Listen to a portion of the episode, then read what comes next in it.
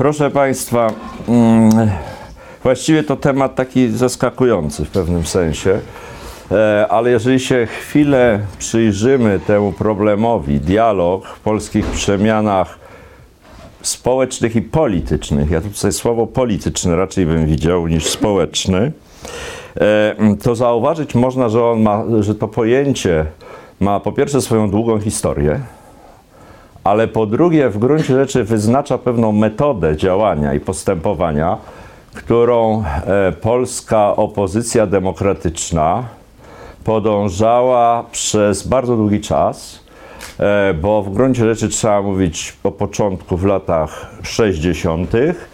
i na tych założeniach, na tej metodzie dialogowania e, jest właściwie założona trzecia Rzeczpospolita.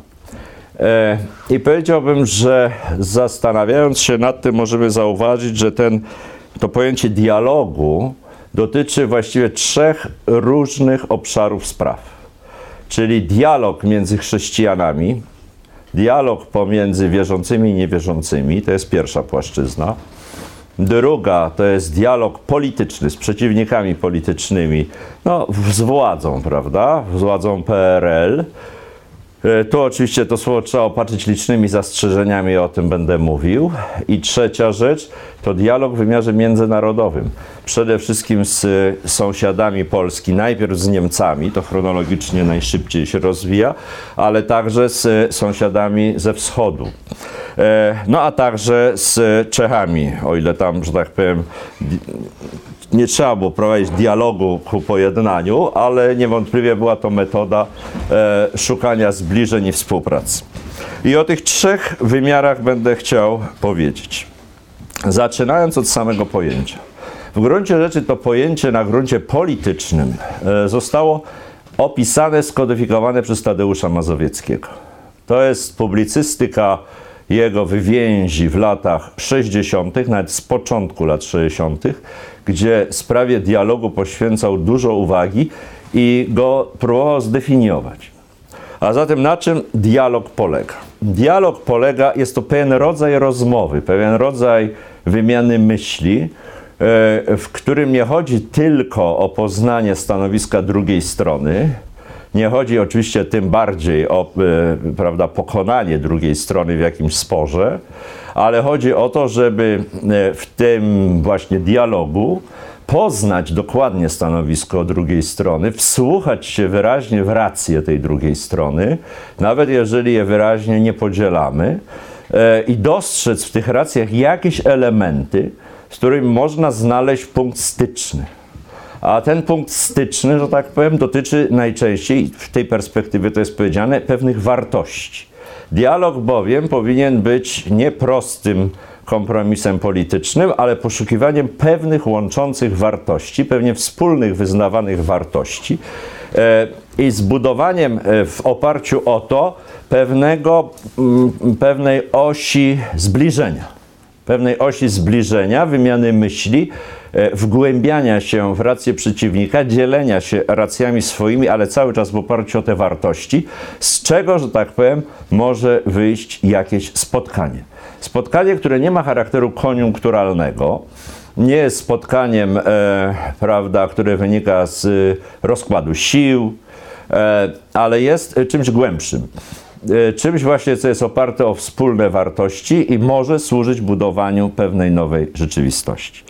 To zostało przede wszystkim powiedziane w perspektywie wartości o charakterze religijnym, czy filozoficznym, czy etycznym. Przede wszystkim było skierowane w momencie, kiedy y, Mazowiecki dodefiniował i rozwijał to pojęcie więzi lat 60. w stosunku do marksistów w stosunku do tych marksistów, którzy podejmowali dialog ze środowiskiem katolickim, byli zainteresowani dialogiem z więzią. E, no i tu było właśnie to poszukiwanie pewnych wspólnych wartości. E, wśród tych, e, tych marksistów, o których mówię, byli różni oczywiście. Byli różni, bo wartości, inne wartości, że tak powiem, można było ustalić i to okazało się zresztą najtrwalsze ze środowiskiem postrewizjonistycznym czy rewizjonistycznym, którego osobą najbardziej znaną jest Leszek Kołakowski. Inne natomiast w relacjach no, na przykład ekumenicznych, z innymi kościołami, z innymi wyznaniami. Inne wartości, no jednak upieram się, że były to pewne wartości dotyczące racji stanu e, z władzami. Na przykład w obszarze e, dialogu polsko-niemieckiego. Będę o tym mówił troszkę później szerzej.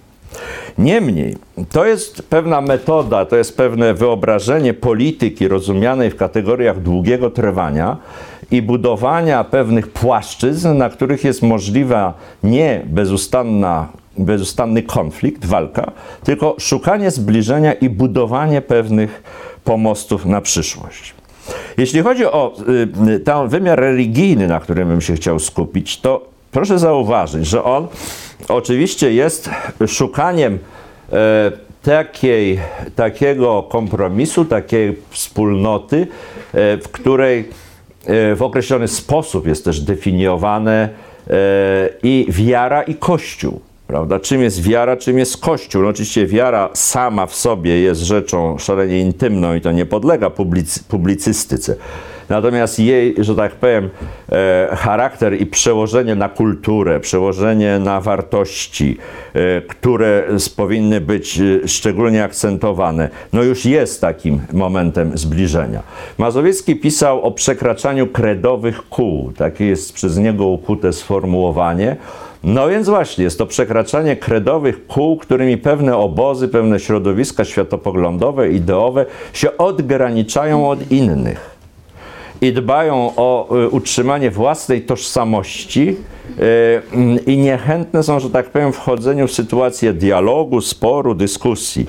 A więc przekraczajmy te kredowe koła, przekraczajmy je w dialogu z marksistami, przekraczajmy je w dialogu, że tak powiem, z innymi ludźmi odchodzącymi od kościoła, e, z protestantami, z prawosławnymi, szukajmy pewnych wspólnych wartości. To jest właściwie program, e, który był wykładany w latach 60. wprost, ale w gruncie rzeczy stanowił esencję myślenia tego środowiska e, przez cały czas, aż po dzień dzisiejszy właściwie.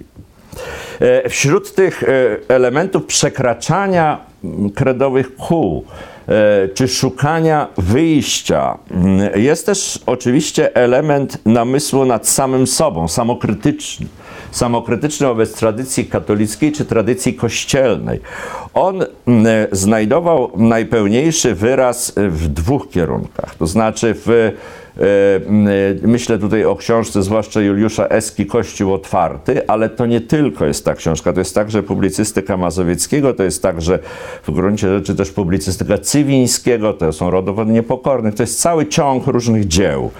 Otóż w opozycji Kościół Juliański i Kościół Konstantyński, to, to się definiuje. Co to był Kościół Konstantyński? To pochodzi od Konstantyna Wielkiego, cesarza, a więc Kościół utożsamiany z państwem, z bardzo silną instytucją, która wkracza na grunt prawa świeckiego, określa to prawo świeckie, no a poza tym jest możny i silny, bogaty używa środków bogatych e, dla wymuszenia posłuszeństwa wobec doktryny.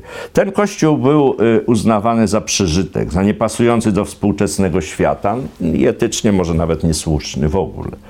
E, perspektywa kościoła juliańskiego, czyli kościoła otwartego od, od cesarza Juliana, kościoła otwartego, kościoła, że tak powiem, przygarniającego ludzi, wchodzącego z nimi w rozmowę, E, posługującego się środkami właśnie ubogimi, czyli rozmową, dyskusją, przekonaniem, a nie karą, nie instrumentami władzy. To jest ta perspektywa, po której powinniśmy zmierzać, e, którą powinniśmy budować przestrzeń, która będzie też przestrzenią wolności w obszarze religii, ale nie tylko religii. Z tym jest też związany, mm, związana kwestia antysemityzmu, prawda? To środowisko e, myślę o więzi, myślę o Tygodniku Powszechnym, doskonale sobie zdawało sprawę, że problem antysemityzmu jest bardzo istotnym problemem polskiego katolicyzmu i polskiego kościoła. I zwracam uwagę, że już w 1957 roku Jerzy Turowicz na łamach Tygodnika Powszechnego w parę miesięcy dosłownie po wznowieniu pisma tym tematem się zajął w sposób poważny, obszerny, w dużym artykule, którego sens e, najgłębszy zmierza do tego, o, o ja nawet mam tu notatkę, antysemityzm z katolicyzmem pogodzić się nie da. Antysemityzm w swojej istocie jest całkowicie pogański. Główne przekazanie chrześcijaństwa dotyczące stosunków międzyludzkich to nakaz miłości bliźniego, a bliźnim jest każdy człowiek bez względu na rasę, kolor, skóry czy przekonania. Katolicyzm musi być personalistyczny. To stanowisko wyłożone przez Turowicza w 1957 było powtarzane wiele razy i na różne sposoby, w najrozmaitszych materiałach. Także przez Tadeusza Mazowieckiego w takim słynnym eseju, zresztą wznawianym wielokrotnie, Antysemityzm ludzi łagodnych i dobrych. To też jest przekraczanie kredowych kół, jak się zna i pamięta tradycję katolicką, różną publicystykę katolicką, różne mniemania, również biskupów.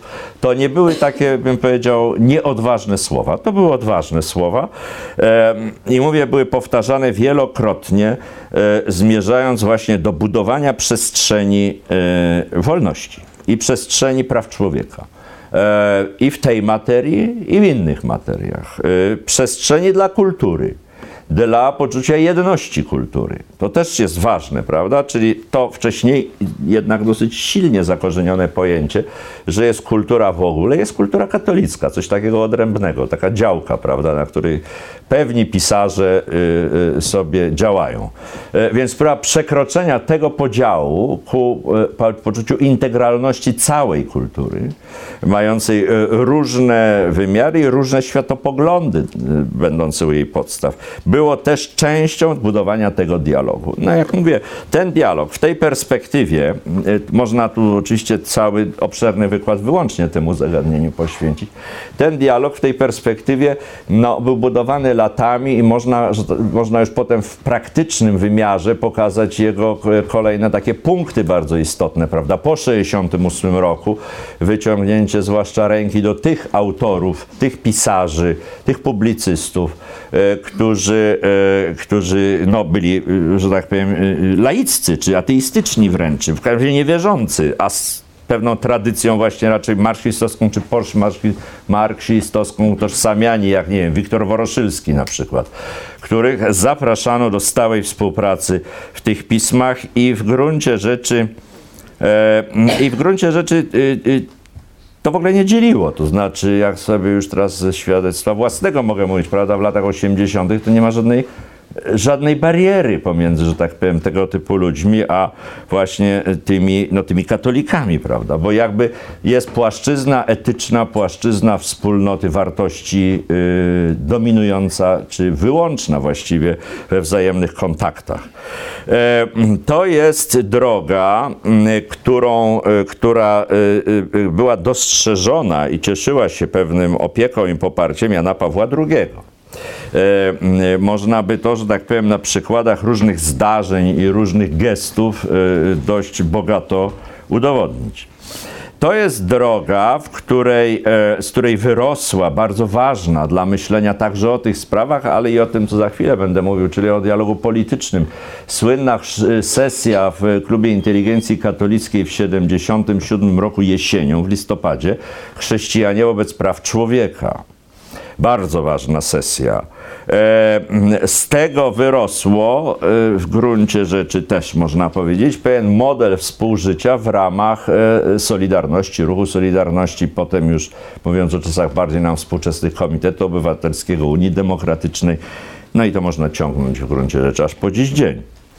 E, tam gdzieś są tego początki. Dialog chrześcijański, e, chrześcijan z niewierzącymi. E, po stronie, no właśnie, niewierzących, to jest też proces bardzo interesujący, o którym trzeba powiedzieć, który jest odpowiedzią na te oferty. To jest publicystyka Jacka Kuronia, zwłaszcza jego artykuł Chrześcijanin bez Boga w Tygodniku Powszechnym w znaku, przepraszam, w znaku zamieszczony. To jest oczywiście publicystyka Adama Michnika i przede wszystkim Kościół Lewica Dialog, tu trzeba wymienić. Można by, jak mówię, ten, e, ten proces, całe to, to zjawisko, że tak powiem, rozpisać w osobny esej. Przejdę do dialogu politycznego. Dialog polityczny, oczywiście y, dotyczący wprost spraw politycznych, w jakiejś mierze odbywał się w ramach tego, o czym mówiłem dotychczas, no bo nikt nie może powiedzieć, że chociażby książka Adama Michnika Kościół, Lewica, Dialog nie ma znaczenia politycznego. Ma jak najbardziej. E, e, toczył się e, w, jednak też wprost. Wprost było to szukanie, a właściwie przezwyciężanie po obu stronach e, tradycji, e, no, pewnie wcześniej przyjmowanych modeli działania. Tutaj, e, jeżeli mówimy o Polsce Gomułki, o Polsce popaździernikowej, to te dwa modele działania politycznego czy zachowania politycznego określano wówczas i określa, określano później jako rewizjonizm, czy rewizjoniści i neopozytywiści, prawda? W obu tych wypadkach obie te, oba te nurty y, zmierzają do demokratyzacji stosunków w Polsce, do poszerzenia ram wolności, praworządności, rozwoju kultury w oparciu o inspiracje niemarksistowskie, niekomunistyczne itd. Tak Natomiast e, obie te grupy odwołują się właśnie do innych wartości podstawowych. W przypadku rewizjonistów, no to jest e, kultura świecka, to są różne wersje, prawda, laickiej filozofii, marksizmu rewidowanego i tak. W przypadku neopozytywistów, no to jest tradycja katolicka, to jest katolicka nauka społeczna i filozofia katolicka, także dotycząca wymiaru spraw społecznych. Więc w gruncie rzeczy można powiedzieć, że ci ludzie, choć znajdują się po różnych, e, e, są jakby obok siebie, to w gruncie rzeczy trochę mówią innymi językami. I wydaje się, że też w sprawach politycznych też o co innego im chodzi. E, dialog, ten, o którym mówiłem poprzednio, jest też płaszczyzną budowania rozumienia się wzajem lepiej, szukania punktów stycznych także w wymiarze wartości o charakterze politycznym. Tutaj bardzo istotną rolę pełnił Jan Strzelecki, postać, e, no chyba dzisiaj niedoceniana, a wtedy bardzo ważna. E, I jego publicystyka w ogóle, i jego osobiste świadectwo jego sposobu bycia, przyjaźni, relacji personalnych, e, ale także w sensie dzieł jego próby świadectwa. Opublikowane, e, co prawda, już w roku 71 dopiero, czyli na pewnym etapie tego zbliżenia. Bo praktycznie rzecz biorąc, trzeba powiedzieć, że to zbliżenie nim ono przybrało charakteru stale odbywającego się dialogu, no to przeszło przez doświadczenie roku 68. Doświadczenie 68 roku jest doświadczeniem niezwykle ważnym. Niezwykle ważnym i w perspektywie e, formowania się właśnie takiej perspektywy ideowej, perspektywy osobowej, etycznej, fundamentalnym dla obu tych nurtów, o których tu mówię. Oczywiście to doświadczenie 68 dla e, nurtu e, e, postrewizjonistycznego czy rewizjonistycznego, no to dużo nie trzeba mówić, bo ono jest znane, prawda? No to wiadomo, to są komandosi, to jest więzienie, to jest wyrzucanie profesorów, to jest emigracja i tak dalej. Natomiast dla środowiska, że tak powiem, tego neopozytywistycznego czy katolickiego, to jest właściwie wielkie wyzwanie o charakterze moralnym gdzie mamy pójść, w którą stronę się opowiedzieć, czy skorzystać z możliwości, bo takowe się wydawało, że się rysują, prawda, dla poszerzenia wpływów i znaczenia w ramach tej rzeczywistości budowanej, prawda, przez Gomułkę, Moczarę, etc., e, no, ku czemu skłaniał się wtedy prymas Wyszyński, mówiąc szczerze? E, czy też e, właśnie zagrozić temu, ty, tym, pod, tym istniejącym instytucjom, zagrozić ich bytowi, zaryzykować ten byt w imię, że tak powiem, opowiedzenia się zabitymi po prostu. E, zawięzionymi i za tymi wartościami, które być może w perspektywie doczesnej, bieżącej przegrają. Kiedy, prawda, Mazowiecki, że jeszcze raz go przypomnę, w, prawda, po 68 roku, nie chodzi mi tylko o interpelację koła, bo to jest znane, ale to, co powiem za chwilę, jest mniej znane. Kiedy w 68 roku podejmował decyzję o tym, że nie wydrukuje słynnego artykułu Zabłockiego i Miceckiego, który de facto był poparciem Gomułki i tej kampanii marcowej, ryzykował e, no, utratę pisma po prostu. Ryzykował. To było w grze, że tak powiem. Że to się może skończyć tym, że władze, wykorzystując rozmaite instrumenty ekonomiczne przede wszystkim, doprowadzą do wymiany kierownictwa redakcji i pozbycia się tego ohydnego Mazowieckiego, który, prawdę mówiąc, im już dobrych parę lat wcześniej przeszkadzał, właśnie ze względu na te dialogi z rewizjonistami. E, więc to było ryzyko. I właściwie trzeba powiedzieć, bardzo duże ryzyko. Jak się zna materiały, no, które ja znam tam w IPN-ie, prawda, się to wszystko widzi, czyta, no to właśnie to się ocierało wykonanie tego wyroku. Ocierało się. W gruncie rzeczy, że do tego nie doszło, no to jak to często w historii bywa, to jest skomplikowany, że tak powiem, zbiór różnych przypadków i gier na szczycie, gdzie mówiąc najkrócej, po prostu Kliszko nie chciał wszystkiego oddać Moczarowi. I w związku z tym, e, prawda, obronił więź. Kliszko, Kliszko. W końcu 68 roku przed zjazdem. E, I w gruncie rzeczy KIK też, bo to jakby było jedno z drugim powiązane. E, no i, i, ta więź przetrwała, prawda? No, ale właśnie tu jakby pojawia się następny etap, znaczy chociaż niewątpliwie był to element wdzięczności, można powiedzieć, dla rządzących wtedy, dla Gobułki, prawda, który nie dopuścił do tej egzekucji. No jednak, że tak powiem, nie spowodował on zmiany linii ta linia była dalej ta sama, czyli szukanie dialogu z tymi bitymi, z tymi, że tak powiem, represjonowanymi, właśnie wprowadzenie do e, na łamy pisma Woroszylskiego i wielu innych ludzi.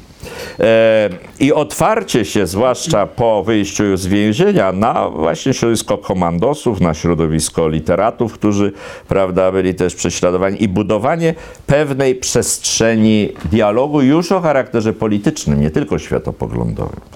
To budowanie dialogu, które będzie trwało parę lat, jego, jego elementami jest książka Cywińskiego, prawda, Rodowody Niepokornych, ale jest też mnóstwo spotkań w mieszkaniach prywatnych, także tutaj obok, niedaleko u Krzysztofa Śliwińskiego e, i w sekcji kultury i tak dalej. Wszystko to razem w ciągu paru lat doprowadzi do wytworzenia takich, że tak powiem, więzi interpersonalnych, stopnia zaufania, że w roku 76, kiedy powstanie KOR, kiedy powstanie KOR, kiedy to środowisko, e, no właśnie, postkomandowskie przede wszystkim, prawda, czy ci starsi państwo, ale związani właśnie z tą tradycją raczej e, e, lewicową niż, niż katolicką, choć był tam ksiądz Zieja również, prawda, wśród założycieli KOR-u.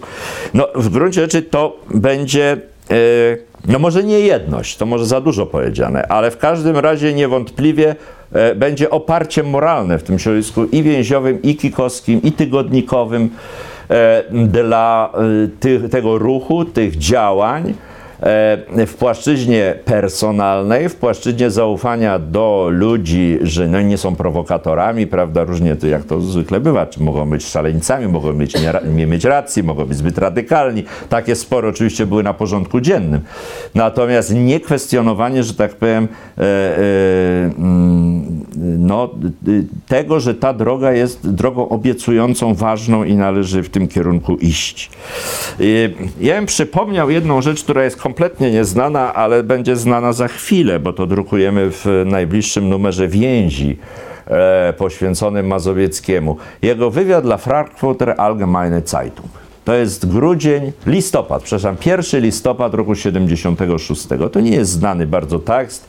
Wywiad jest bardzo mały, w ogóle się mieści na stronie druku, ale jest tam powiedzianych bardzo rzeczy kilka ważnych. Otóż, że to, co się zdarzyło, e, czyli e, czerwiec, czyli też powstanie choru. No tam nie napada nazwa choru, ale ci, co niosą pomoc tym prześladowanym, wiadomo o co chodzi. Jest, że tak powiem, zasadniczą, zasadniczej wagi zmianą, że to nie jest przejściowy kryzys, że to jest kryzys, który, że tak powiem, otwiera drogę do konieczności zmian systemowych. Wśród tych zmian systemowych, kilku wymienionych tam przez Mazowieckiego, pada postulat niezależności związków zawodowych. niezależności związków zawodowych. On o tym co prawda pisał już po grudniu 70 roku więzi, jak było można. Potem to zanikło, tu jakby wyraźnie wraca. E, I, e, I jest elementem pewnym trwałym, jak, jak znowu, no tu sięgnę, prawda, powołam się na materiały IPN-owskie, czyli podsłuchy z więzi, które sobie przeczytałem. To jest temat, który w, na różnych zebraniach wraca, że ta, że tak powiem, zmiana, on to powtarza, to nie jest przypadkowo powiedziano o tych związkach zawodowych. No nie da się, że tak powiem, tego systemu naprawić, zmienić, uniknąć dalszych katastrof, które się rysują w perspektywie, bez y, przydania, że tak powiem, wolności e, działania i niezależności związkom zawodowym, a także oczywiście ograniczenia cenzury i tak dalej. Jeżeli patrzymy e, w tej perspektywie, to oczywiście można powiedzieć, gdzie dialog. No oczywiście dialog jest pomiędzy tymi środowiskami. Ich formą organizacyjną zwłaszcza będzie Towarzystwo Kursów Naukowych, prawda? Gdzie są e, wybitne przedstawiciele obu tych dawnych tradycji e, obu tych dawnych tradycji i rewizjonistycznej, i neopozytywistycznej, ale też ale też to jest y, właściwie y, bardzo trudno wychwytywalne w postaci źródeł pisanych, ale właśnie taka interakcja personalna, która się przez te wszystkie lata odbywa, czyli no, takie dyskusje jak tu, może mniej sformalizowane, takie sytuacje różnych prawda, y, uroczystości środowiskowych, rodzinnych, powstają bardzo silne interakcje i przemyślenia przedyskutowane w różnych rozmowach o drogach rozwoju Polski i o wartościach dotyczących spraw różnych. E, to się przecież odbywa w sposób, że tak powiem, e, bieżący, można powiedzieć, żywy. I teraz tak, jeżeli, e, no dobrze, ale władza tu jest bardzo ważna, prawda? To znaczy, w gruncie rzeczy to jest dialog między tymi środowiskami, ale pojawia się też myślenie w ramach tego, tej wymiany myśli o tym, no co z tą władzą, co z tym państwem, co z mechanizmem zmian. I oczywiście tu nie pada słowo, że z władzami trzeba prowadzić dialog, bo to by było niemożliwe. No, nie było takich warunków na to i ani władza tego nie chciała. Natomiast jest coś takiego, co jest obecne w myśleniu jako, e, no, jako zastępcze, znaczy jako potrzeba kompromisu, stałego, że tak powiem, wchodzenia z nimi e, w spór, ale sensem tego sporu jest zbudowanie naszej strony, zbudowanie ruchu który może być partnerem dla władzy, w, który, w którym to, że tak powiem, walce, wymuszaniu, e, ruchu nacisku, jednak jest przewidywane zawsze na wszystkich kolejnych etapach jakieś porozumienie. Tu nikt w zasadzie przytomny nie zakłada, że nie wiem, władze się obali, przegoni. Zawsze jest potrzebne, że tak powiem, budowanie porozumień, czyli słowo które potem zrobi taką karierę latem 70, y, 80 y, roku, no nie jest przypadkowe. To jest w gruncie rzeczy cały czas chodzi o budowanie tego, y, tego porozumienia. I nie jest to tylko kwestia taktyki, bym się upierał. To znaczy poczucia, że oni mają siłę, a my jej nie mamy, a jeszcze ich pilnuje Związek Radziecki. Oczywiście jest to, że tak powiem, element pewnych ram, w których się poruszamy w tych wszystkich dyskusjach, ale upieram się, że chodzi też o wartości. Chodzi też o metodę wartości. I to jest dlatego bardzo ważne w perspektywie sporów po roku 90, e, gdzie prawda e, w publicystyce prawicowej, w różnych dyskusjach jest e, prawda, mówione, że to zaniedbanie, że nie rozliczono, że nie ukarano, że nie te. To nie tylko jest kwestia e, e, wyboru e, możliwości, ale to jest też kwestia wyboru wartości. Co możemy z, zrobić w wolnej Polsce? E, I ja pozwolę sobie odczytać dwa cytaty, e, które oddają to słowo dialog wprost. Oba pochodzą z bardzo ważnego tekstu Adama Michnika, Gnidy i anioły. To jest rok 79. Druk w zapisie. Otóż pisał Adam Michnik. Nie chciałbym, aby w pierwszym dniu wolności wielki tłum wyległ na ulicę i rozliczał wszystkich z tego, co zrobili i z tego, czego nie zrobili dla Polski. Czuję w tym atmosferę ulicznego samosądu. Podniecony odzyskaną wolnością tłum jest zdolny do linczu, ale nie jest zdolny do rzetelnego rozliczenia uczynków. Dlatego też każdy, kto będzie taki tłum podjudzał do rozrachunków, będzie siał ziarno nienawiści. Dlatego też rozrachunki pozostawmy lepiej historykom. 79 rok, a brzmi jak 91. Hmm. Drugi cytat.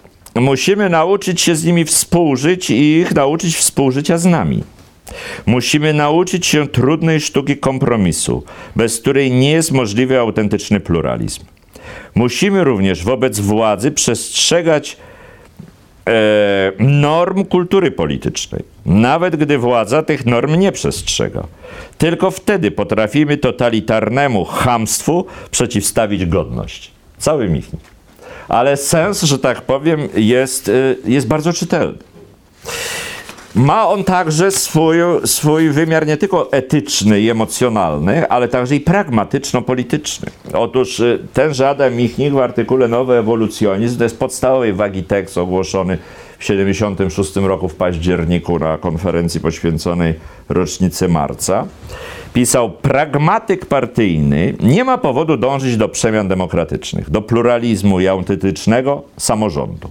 Ale pragmatyk partyjny ma powody, aby rozumieć, że skuteczniejszą polityką bywa kompromis z siłami dążącymi do pluralizmu niż stosowanie brutalnych represji. Dlatego właśnie może być dla demokratycznej opozycji partnerem, z którym można zawrzeć polityczny kompromis, ale nie będzie on nigdy politycznym sojusznikiem. E, no właśnie, można zawrzeć kompromis, ale nie sojusz. Jeżeli mówimy o roku 60, 80, y, o sierpniu, no to w gruncie rzeczy to, co do tej pory powiedziałem, jest pewnym przygotowaniem mentalnym, ideowym do tego, co się zdarzyło praktycznie w postaci porozumień sierpniowych. Bo właściwie czym były porozumienia sierpniowe, oprócz tego, co zostało w nich napisane i co wszyscy możemy przeczytać? No, były oczywiście wymuszonym porozumieniem. Wymuszonym, siłą naszą, ruchu Solidarności, jego stopnia organizacji, znaczy jeszcze nie Solidarności, ruchu strajkowego, jego stopnia samoorganizacji i jego mądrości, co się dzisiaj często zapomina. Bo to było, trzeba było być strasznie mądrym, żeby umieć wynegocjować te konkretne zapisy i nie dać się wywieźć w pole tymi, w tych zapisach. Co nie było proste, bo tam też byli fachowcy po drugiej stronie, żeby to była guma taka, którą można interpretować na wszystkie strony. Więc ten, e, to porozumienie sierpniowe jest, jest e, porozumieniem, kompromisem, umową, ale w tym e, jest też pewna myśl generalna, taka, prawda, etyczno-polityczna, że jest drogą przełamywania dotychczasowego systemu monopolu przez budowanie właśnie porozumień, z władzą i wymuszanie oczywiście naszą siłą, żeby oni ich przestrzegali, ale tym samym budowaniem płaszczyzny no, dialogu i współpracy, prawda, i samorządu, i, i, i poszanowania e, wzajemnych stanowisk, i wymuszania po tamtej stronie, żeby coraz więcej było pragmatyków, a nie dogmatyków, prawda. Taka jest w gruncie rzeczy, taka bym powiedział, filozofia Solidarności w ciągu tych 16 miesięcy, która się zawaliła, ale powiedziałbym, że ona jest bardzo interesująca do jej przyjrzenia się troszkę głębiej. E, bo to Państwu znowu chcę coś przeczytać, bo E, jak Państwo wiedzą, e, e, bo trudno, żebyście Państwo tego nie wiedzieli, w 80-81 roku odbywało się dużo takich dyskusji potężnych często. Głównie Kuroń i Michnik jeździli po całej Polsce i dawali tam różne wykłady, a to studentom, a to działaczom Solidarności z zakładów pracy i tam wygłaszali niezwykle ciekawe rzeczy, które nigdy nie były opublikowane bo nikt nie miał do tego ani głowy, ani nie próbował tego zrobić.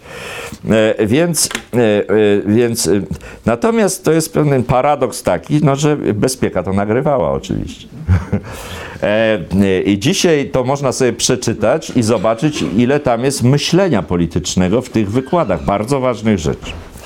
Otóż, proszę Państwa, ja Państwu przeczytam mm, rzecz, która, żeby to kolejność zachować który, e, nie, to jest później, którą Adam Michnik znowu powiedział 9 grudnia 80 roku. 9 grudnia 80 roku. E, jest pewien model, do którego powinniśmy starać się dzisiaj dążyć. Ten model społecznego kompromisu między społeczeństwem a władzą, w którym będzie miejsce na zasadę negocjacji i na zasadę dialogu. I będzie możliwość instytucjonalizacji tej zasady. W praktyce, co to znaczy? Dążymy do instytucjonalizacji dialogu, czyli sytuacji rozwiązywania konfliktów w negocjacjach. I teraz wręcz cytat. Dążymy do takiej instytucjonalizacji, szukając tego typu form społecznej reprezentacji, i wydaje się, że w takim kierunku poszukiwań powinna być zasada dwuizbowego parlamentu. Jedna izba to będzie izba władzy partyjnej, a druga izba producentów lub wytwórców, która byłaby wybierana kluczem syndykalnym, związkowym w wyborach bezpośrednich.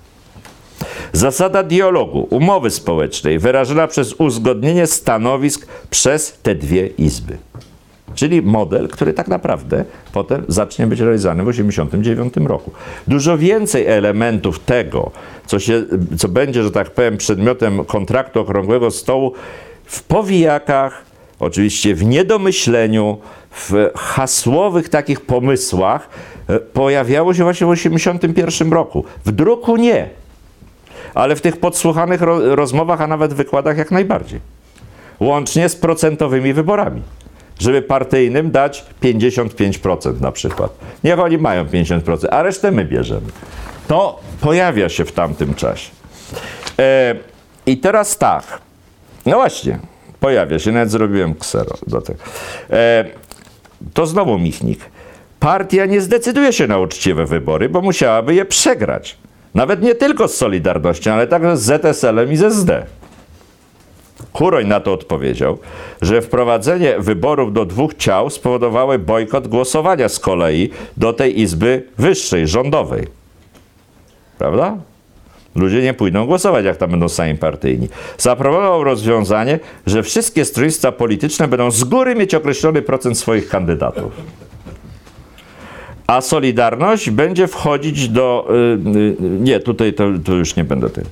E, Solidarność może zagwarantować określoną liczbę miejsc dla PZPR, na przykład 50%, ale bez wyborów. To są pomysły z lutego 81 roku. E, one dojrzewały oczywiście w ramach biegu spraw dojrzewały w ramach biegu spraw i dojrzewały w ramach biegu różnych dyskusji, konfliktów i e, prawda, poczucia nierozwiązywalności sytuacji społecznej, ekonomicznej w roku 81 e, i ostatecznie jesienią 81, cały czas mówię, e, e, Kuroń skodyfikował cały ten projekt w postaci e, artykułu Rząd Narodowy. Taki artykuł był Kuronia Rząd Narodowy, który właściwie nigdy normalnie drukiem się nie ukazał, dlatego że nie zdążył. Kuroń go zabrał na posiedzenie Komisji Krajowej 11-12 grudnia. No i tam oczywiście wpadł razem z tym tekstem, ale on wcześniej był poddany dyskusji w środowisku. Co, co najmniej od połowy listopada, mniej więcej on chyba wtedy był napisany, on krążył Heniu siedzi, być może zaświadczy, się nad nim dyskutowało, ludzie się wy... No, więc, y, y, y, więc, ale Kuroń też mówił coś więcej. Udzielił takiego wywiadu, to jest też, też jesień, w ogóle grudzień 81, takiemu czasopismu Wryj brzydka nazwa, no takie było, okropne czasopismo rzeszowskie, dosyć wulgarne. Niemniej, że tak powiem, e, e, do Kuronia przyszli po wywiad i on tam mówił rzecz następującą, w tym dużym wywiadzie dla tego Wryja, to przeciwstawiał jego właśnie sposobowi patrzenia na świat. Dla Polaków, dla nas wszystkich najlepiej by było, żeby proces demokratyzacji, budowy nowych demokratycznych instytucji prowadzić w ścisłej współpracy z rządem, co nie znaczy oczywiście bez konfliktów, bo to jest niemożliwe, ale by te konflikty były elementem współpracy. Konflikty elementem współpracy to jest bardzo ważna ważna taka kategoria w myśleniu Kuronia właśnie z, z, okresu Solidarności, czyli jest konflikt, walka, strajk i tak dalej, ale to nie znaczy, że, znaczy, że celem tego całego ruchu jest do, osiągnięcie pewnego kompromisu i pewnego, że tak powiem, określenia ram współpracy po tym porozumieniu postrajkowym, prawda? To dotyczyć może różnych rzeczy i dotyczyło w praktyce na przykład samorządów pracowniczych. E, I e, proszę zwrócić uwagę na pewną konstrukcję, którą Kuroń rysował w tym artykule Rząd Narodowy. To znaczy, on mówił, że żeby przezwyciężyć w Polsce ten bieżący konflikt, jest potrzebny rząd, który ma zaufanie społeczne i może, że tak powiem, podejmować trudne decyzje. Oczywiście rząd Jaruzelskiego, Rakowskiego, wszystko jedno nie może tego zrobić. Musi być rząd, który będzie miał poparcie społeczne. Jak taki rząd wytworzyć? Solidarność nie może stworzyć takiego rządu, bo jest stroną e, konfliktu, a poza tym nie może Solidarność, Związek Zawodowy wziąć się za rządzenie. Potrzebne jest zatem wykreowanie ciał, które mogłyby taką odpowiedzialność wziąć. E, a zatem e, Solidarność powinna, że tak powiem, upełnomocnić ludzi, do których ma zaufanie, którzy mogliby wejść do rządu. Partia PZPR też powinna, nie może sama tam jakiś Barcikowski czy prawda Ciosek, tylko powinna upełnomocnić osoby, do których ma zaufanie, które mogłyby wejść do rządu. I to samo Kościół. Kościół jest konieczny. I oczywiście Kościół też biskup nie może wejść do rządu, ale Kościół może prawda, upełnomocnić, uznać za so, osoby y, y, sobie bliskie i mające zaufanie Kościoła, osoby, które mogą wejść do rządu. Tak powołany rząd, który nazywał rządem narodowym.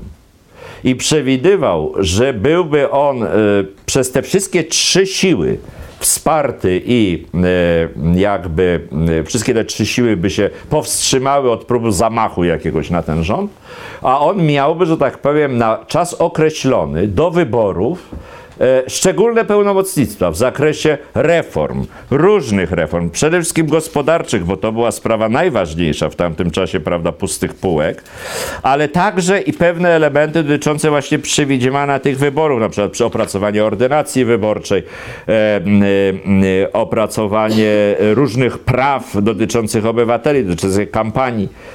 Ta wizja ze strony Kuronia oczywiście była, e, no jak mówię, pozostała na papierze. E, była też elementem jak najbardziej oskarżeń o e, kontrrewolucyjną próbę obalenia władzy przemocą w stanie wojennym, prawda, w ramach przygotowanego procesu. Tak była traktowana.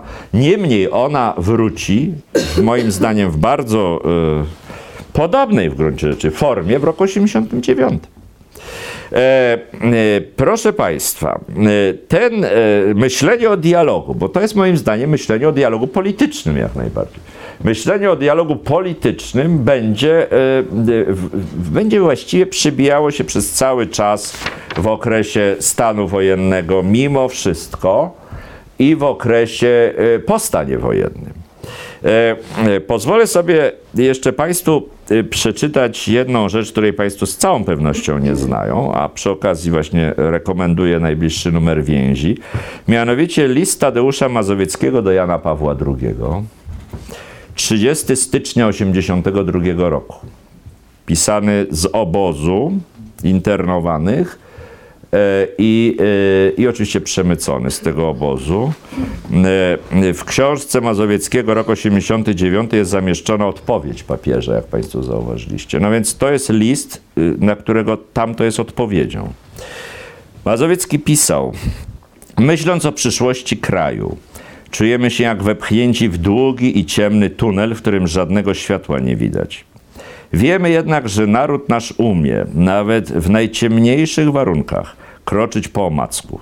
Róg taki jak Solidarność nie może zniknąć, nie może przejść bez trwałego śladu, ani nie mieć kontynuacji. Nikt dziś nie może przewidzieć, wobec jakich prób i jakich ofiar postawi nam ten rozwój sytuacji.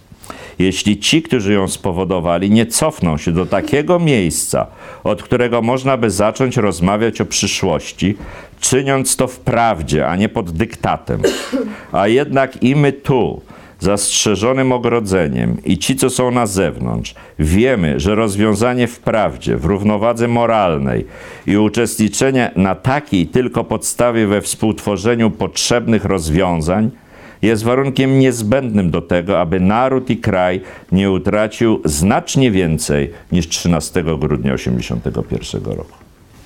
Cały ten list będzie w najbliższym numerze więzi. Proszę Państwa, e, Ja nie będę wszystkiego streszczał, bo oczywiście szkoda y, Państwa zamęczyć aż tak, ale zwrócę uwagę tylko na w punktach takich. Jeżeli weźmiemy do ręki y, słynne tezy społeczne Rady Prymasowskiej z kwietnia roku 82, e, y, to tam też jest mowa właśnie, mimo w tym dramatycznym okresie, o powrocie do dialogu w oparciu o porozumienia sierpniowe i prawa Solidarności, ale od dialogu e, i kompromisie koniecznym dla rozwiązania polskich spraw. E, Ten postulat popiera tymczasowa komisja koordynacyjna. Popiera. W gruncie rzeczy cała perspektywa oczywiście często zapomina walki TKK podziemnej, prawda? I demonstracji, i, i strajki i tak dalej. Do czego zmierza? Do tego, żeby wymusić powrót do kompromisu i dialogu. E, ta perspektywa jest też bardzo wyraźnie zarysowana w raporcie Polska 5 lat po sierpniu e, z roku 85, a zwłaszcza w jego obszernym i bardzo ciekawym zakończeniu napisanym przez Mazowieckiego i Geremka. E, tam nie ma autorów, ale to i właśnie profesor Geremek opowiadał szczegółowo, jak oni nad tym pracowali. E, I to jest cały czas, że tak powiem, e, wizja, wizja, prawda, powrotu do negocjacji, powrotu do stołu, powrotu do, e, do dialogu, po prostu do dialogu w Polsce. Ten dialog zostanie zmaterializowany, jak wiadomo, w roku 89, e, ale też, ale też, muszę powiedzieć, Ważne jest nie tylko, prawda, okrągły stół, ale też właśnie w perspektywie tych sporów politycznych i konfliktów i krytyk, które są dzisiaj podejmowane, e, no właśnie, że za dużo im dano, że za szybko nie odwołano i tak dalej. Znaczy, to jest, są e, krytyki i pretensje, które jakby wynikają z niezrozumienia mentalności właściwie twórców e, tych porozumień po naszej stronie solidarnościowej.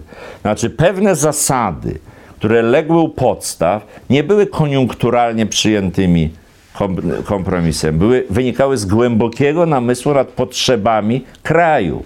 Nad tym, że Polska, że ma się skończyć wojna domowa w Polsce, prawda? No bez użycia przemocy, ale jed, znaczy rozlewu krwi, ale jednak z użyciem przemocy. Bez rozlewu krwi, ale z użyciem przemocy. Że Polska ma wyjść z konfliktu i bardzo ostrego sporu wewnętrznego ku budowaniu przestrzeni dia- dialogu, demokracji, sporów, kompromisów, parlamentu, krótko mówiąc, i demokracji. I zatem, e, że tak powiem, pacta sunt servanda, rzeczywiście. Można je renegocjować, ale nie można ich wyrzucić do śmieci, potraktować, przepraszam, jak Stalin umowy międzynarodowe, prawda? E, e, to jest rzecz, y, która oczywiście legła u podstaw III Rzeczpospolitej z jej plusami i być może z jej minusami oczywiście. Znaczy to jest pewna filozofia polityczna, która nie wszystkim się musi podobać. Punkt trzeci. Dialog w stosunkach międzynarodowych. Otóż, proszę Państwa, od 58 roku można datować początek dialogu polsko-niemieckiego. Od pierwszego wyjazdu Stanisława Stommy, a także Tadeusza Mazowieckiego na zachód do Niemiec, Stommy do Austrii RFN, Mazowieckiego do Austrii, ale też były rozmowy z Niemcami. Dialog, którego mm, celem jest po pierwsze doświadczenie wojny w ich wypadku, a także innych osób, o których tutaj mówię. Wszyscy przeżyli osobiście wojnę, osobiście hitleryzm i niewątpliwie na samym dnie tego e, chęci tego dialogu jest przekonanie, że to się nie ma prawa powtórzyć. Że my, żyjący, jesteśmy odpowiedzialni za to, jak będziemy z tego wychodzić. Z tych doświadczeń, z tej traumy, z tych nieszczęść i z groźby ich powtórzenia. A zatem dialog zmierza do tego, żeby zbudować pokojowe, dobrosąsiedzkie stosunki z Niemcami. Oczywiście ten dialog jest trudny, bo nakłada się na niego granica. Kwestia granicy na Odrze i Nysie, która w roku 58 dla Niemców jest nie do przyjęcia. Nie do przyjęcia. E, I prawda, wszelka zmiana, która może być w przyszłości przewidywana, powinna z niemieckiej perspektywy y, zmierzać też do rewizji granicy na Odrze i Nysie. Granica ta zresztą jest uznawana, być może pan profesor mnie poprawi, ale jak mi się wydaje, wyłącznie przez Związek Radziecki tak naprawdę w 1958 roku. E, e, e, więc sytuacja jest bardzo trudna i te rozmowy z Niemcami prowadzone od 58 roku przez aż do paktu z Gomułką w 70 w gruncie rzeczy skupiają się na tych wątkach. Pojednanie między narodami. Ale elementem tego pojednania musi być uznanie przez Niemców granicy na i prawda? Po stronie niemieckiej stopniowo się formują grupy, które są gotowe to przyznać. To nie idzie łatwo. To jest właśnie też ten dialog polsko-niemiecki w tym obszarze ma duże znaczenie też i dlatego, że e, e, w gruncie rzeczy trzeba wrócić do, do tego pierwszego punktu. Najbardziej e, na, na takie rozumienie potrzeby pojednania z Polakami są wrażliwi protestanci, oraz lewica katolicka, to znaczy tacy katolicy, którzy w sprawach dyskusji soborowych i tak dalej są dosyć radykalni, nawet uważają, że prawda, więź to jest strasznie konserwatywna. E, oni są dużo radykalniejsi. To są kręgi, które, y, prawda, powstanie pewien E, to jest e, memoriał Kościoła Ewangelickiego w Niemczech, 65 rok chyba, czy czwarty w tej chwili, piąty. Tak, później krąg Bensberger Kreis, krąg Bensbergu. To jest bardziej po stronie nerdowskiej, ale bardzo ważna rzecz, akcjon Zeichen, czyli akcji znak pokuty, prawda? Oni tu przyjeżdżają, mają poczucie winy nie za zbrodnie przy w obozach koncentracyjnych w miejscach, że tak powiem, straceń, pracują, porządkują groby, takie rzeczy, ale też uczestniczą w dyskusjach, w dialogach. Partnerem dla nich jest właśnie krąg ten, o którym mówimy, Mazowiecki, Stoma, Tygodnik Powszechny, Turowicz, Bartoszewski, Mieczysław Przon, Anna Morawska, to są wszystko ludzie z tego kręgu. Prawda? I to tak trwa. I to tak trwa w tych dyskusjach aż do roku y, 70, prawda? A po 70, no po układzie, trwa dalej w postaci różnych wyjazdów, odczytów y, y, y, i, i tak będzie trwało też w latach 80. różnych elementów właśnie dialogu z różnymi środowiskami niemieckimi, przeważnie katolickimi. E, przeważnie katolickimi, związanymi zatem politycznie z CDU, która ma najwięcej zastrzeżeń przecież do układu e, Brand-Gomułka i wcale za nim głosować nie chce. Ten dialog jest po tej linii, że tak powiem, przede wszystkim rozwijany i w moim przekonaniu on bardzo wpływa na postrzeganie przez Niemców e, swoich relacji z Polską w przyszłości. E, e, powiedziałbym dwie takie rzeczy, które jedna ma charakter symboliczny, e, a druga, a druga jest cytatem. Mianowicie charakter symboliczny ma to, że ja raz w życiu, to był 84 rok, byłem w Dachau i, i, i prawda, idąc po tym obozie, zobaczyłem ku swojemu wielkiemu zdumieniu taki wielki plakat, jak prawie pół, pół tego, informujący o odczycie Władysława Bartoszewskiego tam na tym terenie. Niezwykłe. Niezwykłe, prawda? Znaczy, bo to było wejście tam w głąb ich życia, ich środowisk, ich miejsc takich dramatycznych i on tam, prawda, lata całe to robił. E, proszę Państwa, mianowicie e, w, e, cytat.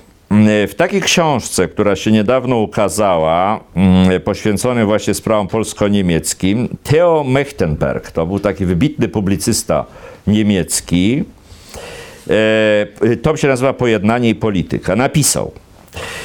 W latach 72-77 odbyło się ogółem sześć seminariów, w których uczestniczyło Pax Christi i Znak. Sesję nazwano Auschwitz Seminare – od miejsca pierwszej z nich. Później spotykano się na zmianę w RFN i w Polsce. W tamtym okresie seminaria te były jedyne w swoim rodzaju. Jako forum swobodnej wymiany myśli przyczyniły się w istotny sposób do polsko-niemieckiego pojednania i porozumienia. E, proszę Państwa, no to oczywiście jest rzecz nieopisana, kompletnie. Moim zdaniem powinna być opisana dość porządnie. Te seminaria, seminaria oświęcimskie, one się skończyły w 77 nieprzypadkowo. To jest decyzja Urzędu do Spraw Wyznań o zakazie odbycia takich spotkań e, w ramach rozgrywki z Kikiem, tej politycznej rozgrywki Kor Kik, prawda? Oni sobie powiedzieli, dlaczego tam sami znakowcy jeżdżą, paksowcy też mają tam jeździć i HSS. No to, to Niemcy powiedzieli nie, nie, nie. No i się skończyło. Niemniej, że tak powiem, mimo prawda trudności z uzyskiwaniem paszportów i tak dalej, to jednak było kontynuowane i tworzy pewien ciąg zdarzeń, które też miały swoje, bym powiedział, dosyć praktyczne e, konsekwencje, bo proszę Państwa, mm, takie taki, był takie polskie porozumienie niepodległościowe, jak wiadomo, PPN, prawda? I w maju 78 roku w artykule Polska a Niemcy e, e, PPN wprost ogłosił, co następuje, jak ocenia sytuację. Polska nie leży już między Rosją a Niemcami, ale między imperialnym ZSRR a integrującym się zwolna państwami Zjednoczonej Europy, której częścią składową jest RFN. Polacy mogliby więc uznać, że zjednoczenie Niemiec leży w interesie polskim. To już to było szokiem. To jest kilka słów. Pod dwoma warunkami. Po pierwsze, bezwzględne uznanie naszej granicy zachodniej. Po drugie, zasadnicza integracja Niemiec ze wspólnotą europejską. Można powiedzieć, że Zatem w tym czasie, w latach 70., 78 rok, PPN to wyeksplikował wprost. Nie wszyscy byli tacy wyrywni, że tak powiem, w tych dyskusjach, ale to, że tak powiem, wytyczy pewien kierunek myślenia, prawda, y, no, polegający między innymi na rewizji czegoś, co wydawało się wtedy oczywistością, że muszą istnieć dwa państwa niemieckie jako gwarancja bezpieczeństwa granicy na Odrzyjnyś. Przełamanie tego że możemy myśleć w perspektywie o zjednoczeniu Niemiec, e, a mimo to, że tak powiem, Polska się nie zawali, nie nam pół Polski nie odbiorą. To jest bardzo ważne myślenie, e, no, które sobie tutaj drogę, prawda, torowało. Wątek niemiecki zamykam w tej chwili. Proszę zwrócić uwagę na jeszcze jedną rzecz, wątek wschodni. To yy, tu środowisko znakowskie niewiele mogło poradzić, bo to był wątek, że tak powiem, niezwykle E, pilnowany przez cenzurę i właściwie do roku 86, e, 7 to prawie nic nie można było e, na te tematy napisać, nawet w okresie wiosny Solidarności, prawda? Jest znana sprawa, może Państwu nie znana, że Znak próbował zrobić numer ukraiński, prawie że poległ na polu bitwy o ten numer. Nie tylko, że go rozwalili, ale grozili zamknięciem znaku. To jest chyba 83 rok. Więc tu było mało można zrobić. A jeżeli to tylko kultura, jakichś pisarzy przypomnieć, ale nie żadne takie dalej idące sprawy. Natomiast jeśli chodzi o sprawy wschodnie, to no tu też można, że tak powiem, cały ciąg y, bardzo istotnych deklaracji y, wyznaczyć, które oczywiście brały się jako pewna koncepcja, pewna wizja od kultury i Giedroycia. Ale powtórzenie ich w Polsce miało swoje zasadnicze znaczenie. I przede wszystkim myślę o tekście, bo on jest tu ważny, godny przypomnienia, y, podpisanym przez Jacka Kuronia, Adama Michnika i Antoniego Macierewicza. Wszyscy trzej liderzy wówczas choru ten tekst podpisali. On był zamieszczony w pierwszym numerze Głosu, to jest jesień 77 roku, w którym jest przypomnianych parę rzeczy. E, po pierwsze, że e, sąsiadami Polski to nie jest Związek Radziecki i już, tylko jest Ukraina, Białoruś i Litwa. Po drugie, e, że te kraje znajdujące się pod panowaniem Rosji dzisiaj, prawda, e, mają też, mogą też czuć zagrożenie imperialistyczne ze strony Polski. I dalej, teraz już cytat. Gwarancją suwerenności Polski jest suwerenność narodów dzielących nas od Rosji i polityka godząca w suwerenność tych narodów jest antypolska. Nie ma granicy polsko-rosyjskiej, a każdy, kto ją buduje, musi sobie uświadomić, że robi to za cenę uciemiężenia Ukraińców, Białorusinów i Litwinów. Dla Polski jest to program niesuwerenności, stałego śmiertelnego niebezpieczeństwa. Dla narodu rosyjskiego program dyktatury deprawującej społeczeństwo. Razem z demokratami rosyjskimi głosimy dziś znowu za naszą i waszą wolność. Dziś, kiedy na Ukrainie i Litwie coraz silniejsza staje się walka o swobody demokratyczne, a demokracja rosyjska odważnie się z nią solidaryzuje, hasło za naszą i waszą wolność bardziej niż kiedykolwiek dotąd jest jedynym realistycznym programem suwerennej Polski. Bez przezwyciężenia wzajemnej wrogości niemożliwa jest wspólnota celów Ukraińców, Litwinów, Białorusinów, Polaków i Rosjan. Bez tej zaś wspólnoty pozostaniemy uwięzieni w historii na następne stulecia. Wynika stąd program działania walczyć z ksenofobią i szowinizmem we własnym narodzie, krzewić zrozumienie niepodległościowych aspiracji Ukraińców, Białorusinów, Litwinów, krzewić zrozumienie, że z demokratami rosyjskimi łączy nas wspólnota celu w dążeniach demokratycznych i wolnościowych. Oto realistyczna droga do suwerenności Polski. W gruncie rzeczy trzeba powiedzieć, że e, ta deklaracja była trwale wyznaczała kierunek myślenia w tych sprawach. Tu już się nic istotnego dalej nie zdarzyło. To wszystko było przekładane na różne dyskusje, na różne artykuły. E, oczywiście to nie był wątek stale dominujący w prasie niezależnej, bo może, no, znaczy no nie wszyscy się tym interesowali, to było trochę szukanie, że tak powiem, nie, nierzeczywistości, prawda, w tamtej czasie, ale on był, nawet był w tych wspomnianych e, wykładach Kuronia, o których tutaj mówiłem, prawda, w tych różnych miejscach, odwracał. Paradoksalnie na pytania z sali on wracał. I to było powtarzane łącznie z tym, nie wiem, czy to można pochwalić Kuronia za realizm i za te, ale w, w bliskim tonie, ale wracał przez podkreślenie praw Ukrainy do niepodległości w 1981 roku. E, e, proszę Państwa, e, to było też, co też się jakby może mało o tym pamięta, ale oni sami to pamiętają, to znaczy też w ramach Solidarności pewne takie danie osłony na zorganizowanie się studentom ukraińskim na przykład, czy studentom białoruskim. Oni pierwsze swoje organizacje, które nie były w ramach tych tam TSK-żetów, czy jak one się nazywały, pod, to, to właśnie były w ramach, że tak powiem, e, opieki Solidarności. I często ci ludzie są wśród nas bardzo aktywni, bardzo, bardzo czynni, no chociażby jak Mirosław Czech, prawda? E, oni tam wtedy zaczynali. E, no i właśnie, i Mirosław Czech uruchomił też właśnie w ramach, e, czy pod opieką Solidarności w 88-89 roku pismo Zustrici. To bardzo ważne pismo, o, o bardzo dużej ambicji intelektualnej, ciekawe niezmiernie. E, wydawane właśnie przez, e, no w gruncie przez środowisko studentów ukraińskich w Polsce. Wyszło tego tam z 10 numerów na bardzo dobrym poziomie, taki miesięcznik, miesięcznik kwartalnik. Bardzo dużo materiałów ciekawych. I tam też mówił Kuroń. Tam jest też bardzo ważny wywiad Kuronia udzielony już e, pomiędzy wyborami, a zanim został ministrem, prawda? Gdzie tam skodyfikował też cały sposób prowadzenia dialogu jak najbardziej z, e, z, no z Ukraińcami, bo to było w sprawach ukraińskich, ale tak samo dotyczy wszystkich innych e, narodów na wschodzie. Czyli po pierwsze, my jako Polacy, jako polscy politycy musimy się skupić na tym, jakie są warunki u nas w Polsce.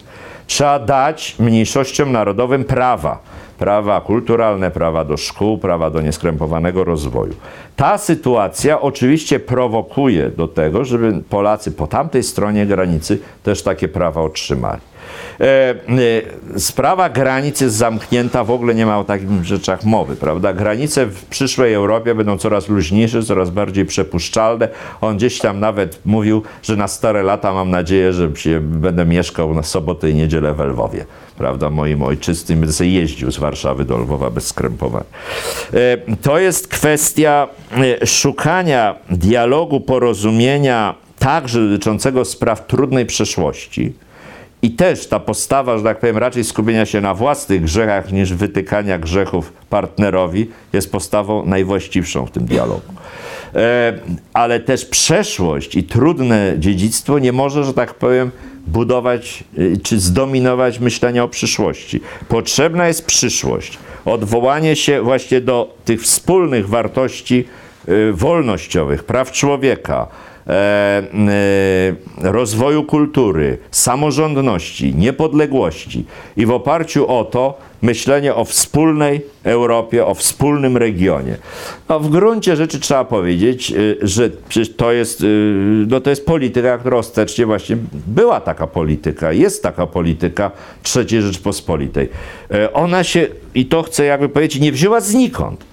To nie jest tak, że ktoś postanowił nagle, prawda, w 80 taką będziemy prowadzić. Ona wynika z pewnego przemyślenia doświadczeń, e, z przyjęcia pewnych wartości i budowania na tych wartościach lepszej przyszłości. E, kończąc, chciałbym powiedzieć tak, znaczy dialog, który tutaj próbowałem przedstawić, jest oczywiście przeciwieństwem paru rzeczy. Jest przeciwieństwem fundamentalizmów różnych, przekonanie o wyłączności własnej racji, zamknięcia się we własnym świecie wierzeń, zwyczajów, uprzedzeń. E, jest przezwyciężeniem egoizmu narodowego, klasowego i innych. E, zakłada oczywiście, i to jest pewna trudność w dzisiejszym świecie, pewną postawę etyczną, pewien wysiłek przemyślenia spraw, zrozumienia kwestii trudnych, czy wyjścia naprzeciw rozumienia kwestii trudnych. Wymaga pewnych ustępstw, choćby to były ustępstwa z własnych mniemań czy uprzedzeń. I w tym sensie jest ten dialogiem trudnym. E, jest drogą trudną również dla polityki, która oczywiście ma charakter masowy, ma charakter skróconych komunikatów i epatuje e, silnymi e, emocjami często, prawda? Na tym buduje pewne wspólnoty czy podziały. To jest droga w drugą stronę całkowicie. Jest oczywiście dialog trudny do zastosowania w obszarze ekonomii. To bym powiedział, że tkwi jako pewien problem sam w sobie w tej koncepcji. To znaczy, że E, ekonomia, przemiany ekonomiczne. No siłą rzeczy tu się dialogiem wszystkiego nie załatwi. Ktoś wyleci z pracy, ktoś zostanie na bezrobociu, ktoś mało zarabia, ktoś dużo zarabia i tego dialogiem się wszystkiego nie załatwi. To są, że tak powiem, problemy, które budują naturalne e, konflikty i podziały. E, niemniej, że tak powiem, mam wrażenie, że, że, że była to rzecz niezwykła i na sam koniec już dosłownie zacytuję Państwu mm, jedno zdanie, E, z takiej książki Wielki Zwrot y, Dariusza Gowina, która właśnie się ukazała. Przypominam, Dariusz Gowin to nie, nie wywodzi się z tej tradycji, on się wywodzi raczej z y, konserwatywnej, tak to nazwijmy. Gawin, Gawin, Dariusz Gawin, tak. A ja mówię Gowin. Przepraszam, Dariusz Gawin. On zwraca uwagę, że właśnie ten dialog, to spotkanie mm, e, e, inteligencji laickiej z inteligencją katolicką i zbudowanie pewnego projektu politycznego było rzeczą niezwykłą w skali, że tak powiem, uniwersalnej, w skali pewnego fenomenu europejskiego w ogóle. I pisze, E, właśnie intelektualny, więcej nawet, bo duchowy wymiar spotkania obu formacji przesądził o specyfice intelektualnej polskiej opozycji po 1968 roku. A ja bym dodał, że też i o fundamentach państwa polskiego po roku 1989. Dziękuję bardzo.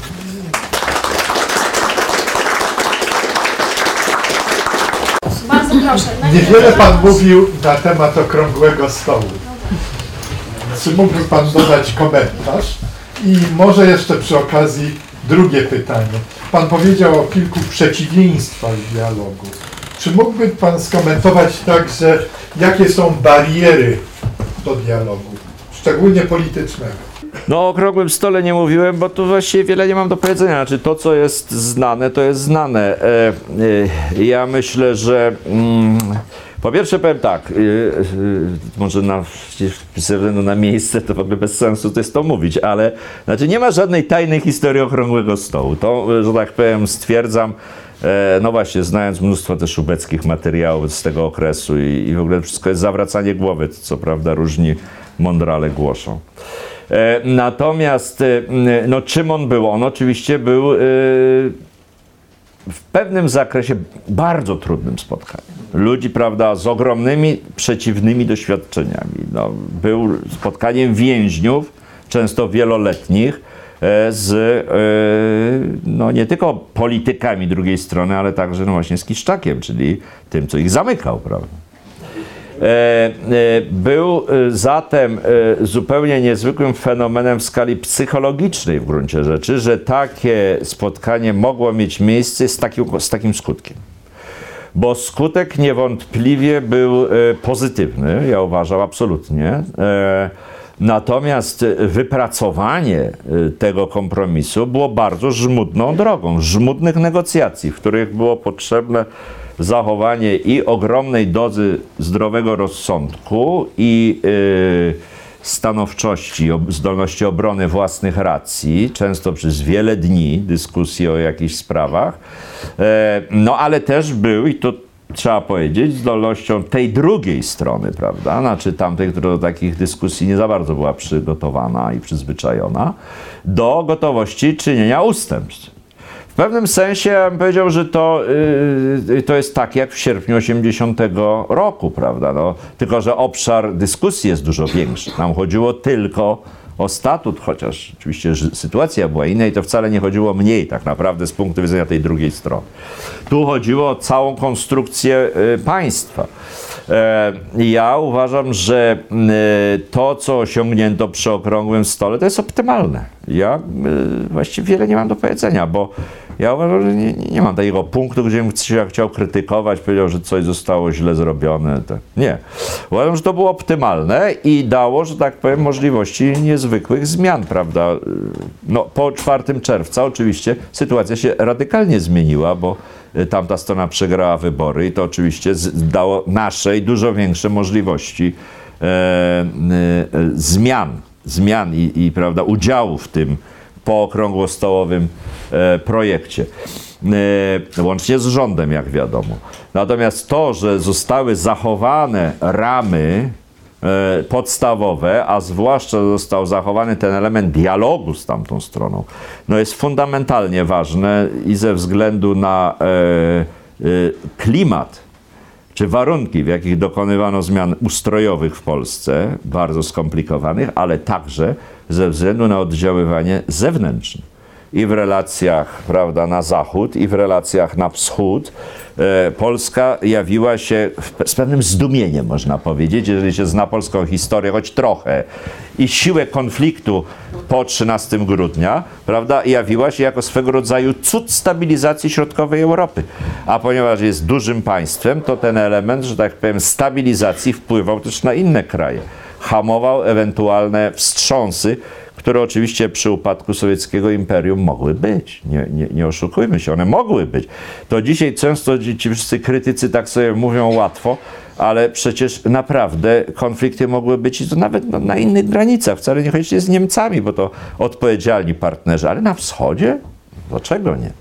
Różne rzeczy się mogły dziać. Warunki, że tak powiem, to o czym mówimy, budowały ten poziom polskiej elity politycznej i w gruncie rzeczy zachęcały też, ze względu na to pierwszeństwo Polski, do budowania pewnego modelu kultury politycznej u naszych sąsiadów, prawda, który służył pokojowi i konstruktywnemu ułożeniu relacji w środkowej Europie. A to oczywiście wzmacniało siłą rzeczy Polską, Polskę wobec wszystkich partnerów świata, wobec wielkich mocarstw, jako czynnik stabilizacji i odpowiedzialności w tej części świata. Tak mi się wydaje.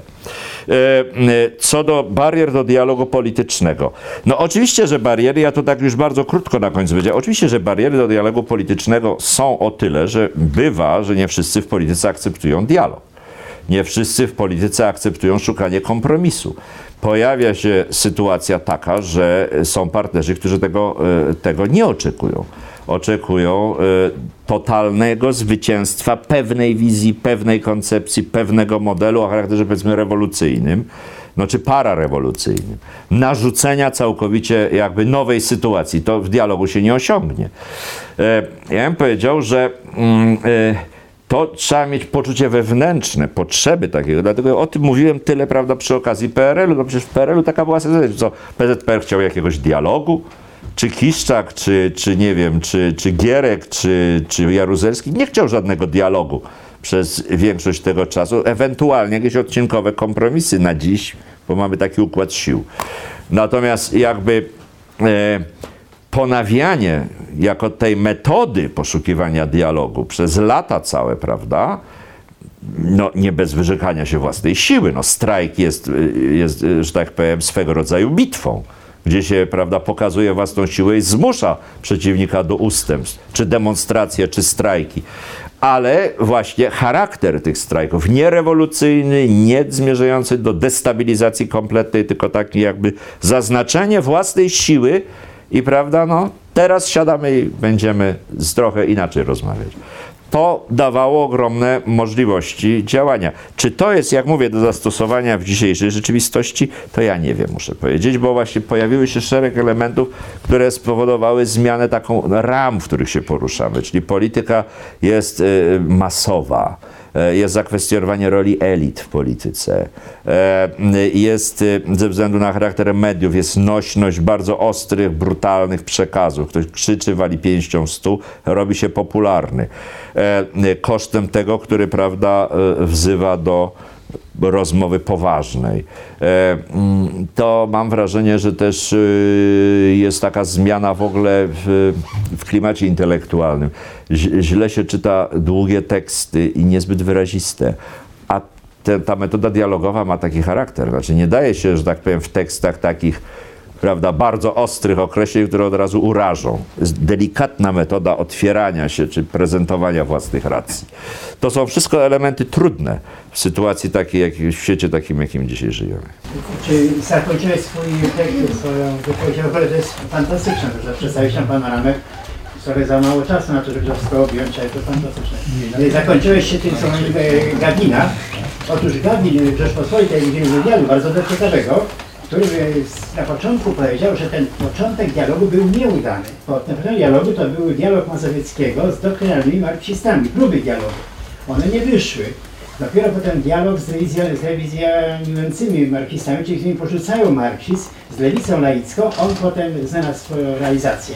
Także to też jest ciekawe, że zaczęło się od takiego że to jest możliwe, a się okazało niemożliwe, że potem te inne formy są e, e, e, możliwe do realizowania. I e, wydaje mi się, że e, to, co powiedziałeś, to, że ta Polska była stabilizująca, to jest chyba najciekawsze, że to się okazało możliwe, co w żadnych wyobrażeniach było niemożliwe, że możliwe jest rozwiązanie Związku Radzieckiego w sposób pokojowy. To zapewniła ta kultura dialogu w dużym stopniu, to, że w Polsce to było możliwe. Teraz przypomnę tylko na początku y, strajku w Gdańsku, kiedy zaczął się strajk 14 sierpnia, nie było wiadomo, jakie wysunęli postulaty, te poza tymi pierwszymi dwoma dniami, Wszyscy czekali na to. Przyjechał dziennikarz do Kuronia, z którym przyniósł kartkę, bo telefony były odcięte z powodu rzekomej burzy i przyniósł, no ja- Jacek Kuroń to czyta, wszyscy czekamy z niepokojem i pierwszy postulat rozwiązanie Związku Radzieckiego. No to panika powstała, zwariowanie, no, koniec świata i tak dalej. I czy przez dzień czasu było tak niepokój, dopiero następnym dniu przyjechał inny dziennikarz, przyniósł rozwiązanie CRZZ. To było nie ZSRR, tylko CRZZ. Tak, ta pomyłka, się bardzo zrozumiała. Więc to jest ten, ten, to jest ten poziom realizmu. Kuroń Kuroń powiedział, no tak, no to możliwe, to jest możliwe. E, e. Więc to jest ten poziom realizmu, który y, potem jeszcze został wymuszony na, te wolne związki zawodowe. Ciekawy jest to, co powiedziałem o tym czasie Solidarności. Ja niedawno przeglądałem Tygodnik Solidarność od pierwszego numeru do tego ostatniego 13 grudnia 1981 roku, więc y, to jest ciekawe. To jest Rze- Rzeczpospolita dialogu wtedy. Ten, to bo jak się czyta ten tygodnik, to nie jest tak jak teraz pismo, że jakieś artykuły i tak dalej. Tam przerwy są oświadczenia, jakieś zbiorowe wypowiedzi. Tam nie ma w ogóle głosów prawie indywidualnych. Tam cały czas jest dialogowanie powszechne. E, ko- ko- zwłaszcza ostatni numer, to jest właśnie z tym propozycją tego rządu i tak dalej, tam nie ma artykułu Kuronia, ale tam jest ta rada, którą Solidarność proponowała. Także y, i ciekawe by było, co by się stało, gdyby nie było stanu wojennego, do czego byśmy doszli, bo to byłoby inny model zupełnie. E, Gospodarczo miał być ten samorząd pracowniczy i też sposób dialogowania, bo samorząd to było też dialogowanie. Czyli było no tego którym wyobrazić, do czego byśmy doszli wtedy, ale to ciekaw jestem, jaką ty masz e, hipotezę, gdyby nie ten stan wojenny, bo to on zamordował tę całą Rzeczpospolitą dialogą, potem trzeba do tego wracać. I jeszcze jedna rzecz dotycząca mm, tego, tego wymiaru wschodniego. Y, Rzeczywiście, y, nie powiedziałeś tam słowa y, Giedroyć, chociaż to jest ta, Giedroyć. Mówiłeś, tak, ani zauważyłem. Ale mnie się wydaje, jak powiem Ci, jako taki szary w tym czasie działasz tam tego okresu, byśmy w ogóle za bardzo nie myśleli kategorią Giedroycia. Dla nas to było oczywiste w zasadzie, że ten wschód to jest, no, musi być dla nas przyjazny i to, co pisał Kuroń z Macierewiczem i Michnikiem, to była rzecz, która była jakby tak e, e, wewnętrznie e, przyjęta. Nie było nam potrzebna, wiesz, dodatkowe jeszcze wsparcie, tak powiem, myśli. Nie wiem, skąd to się brało, może pewnie z tego doświadczenia powszechnego, że to jest konieczne, ten, te, i te konieczne kontakty, i tam jazdy na Ukrainę, przecież to wszystko się na, na, do Czechosłowacji, te spotkania, że to jest tylko tą drogą możemy wspólnie jakoś dać sobie radę, że nie, nie może to być pojedynczo. Także sądzę, że to było też duża zasługa naszej myśli wewnętrznej. Tak, znaczy to, to, to co powiedziałeś o, o, o, o tym ostatnim, bo to najprostsze, znaczy to co powiedziałeś, ja myślę, że tak, znaczy, ale to są w takie badania się nie, nie daje przeprowadzić, bo to jest pytanie, no, gdzieś ktoś znaczy, y, zaczął czytać tą kulturę, jakieś pojedyncze materiały, coś o tym zaczął słyszeć e, dużo wcześniej, prawda? E, e, nawet już mógł tego nie pamiętać, ale to wpływa na sposób myślenia. E, jak to zbadać? Tego się nie da właściwie zbadać, prawda? Jak e, oddziały w wolnej Europie wysłuchał audycji, prawda? Zwracającej uwagę na pewne rzeczy. E, no ale zgadza się, no, że pe pewne rzeczy w Polsce wydawały się naturalne jakby samo z siebie, ale ich, że tak powiem, pewne uogólnienie, pewne e, e, e, skodyfikowanie jest zawsze potrzebne. Znaczy, czy- czyli, że nie wiem, że granicy nie będziemy zmieniać, do Lwowa nie będziemy wracać, prawda? Nie wokół tego budujemy ruch i tak dalej.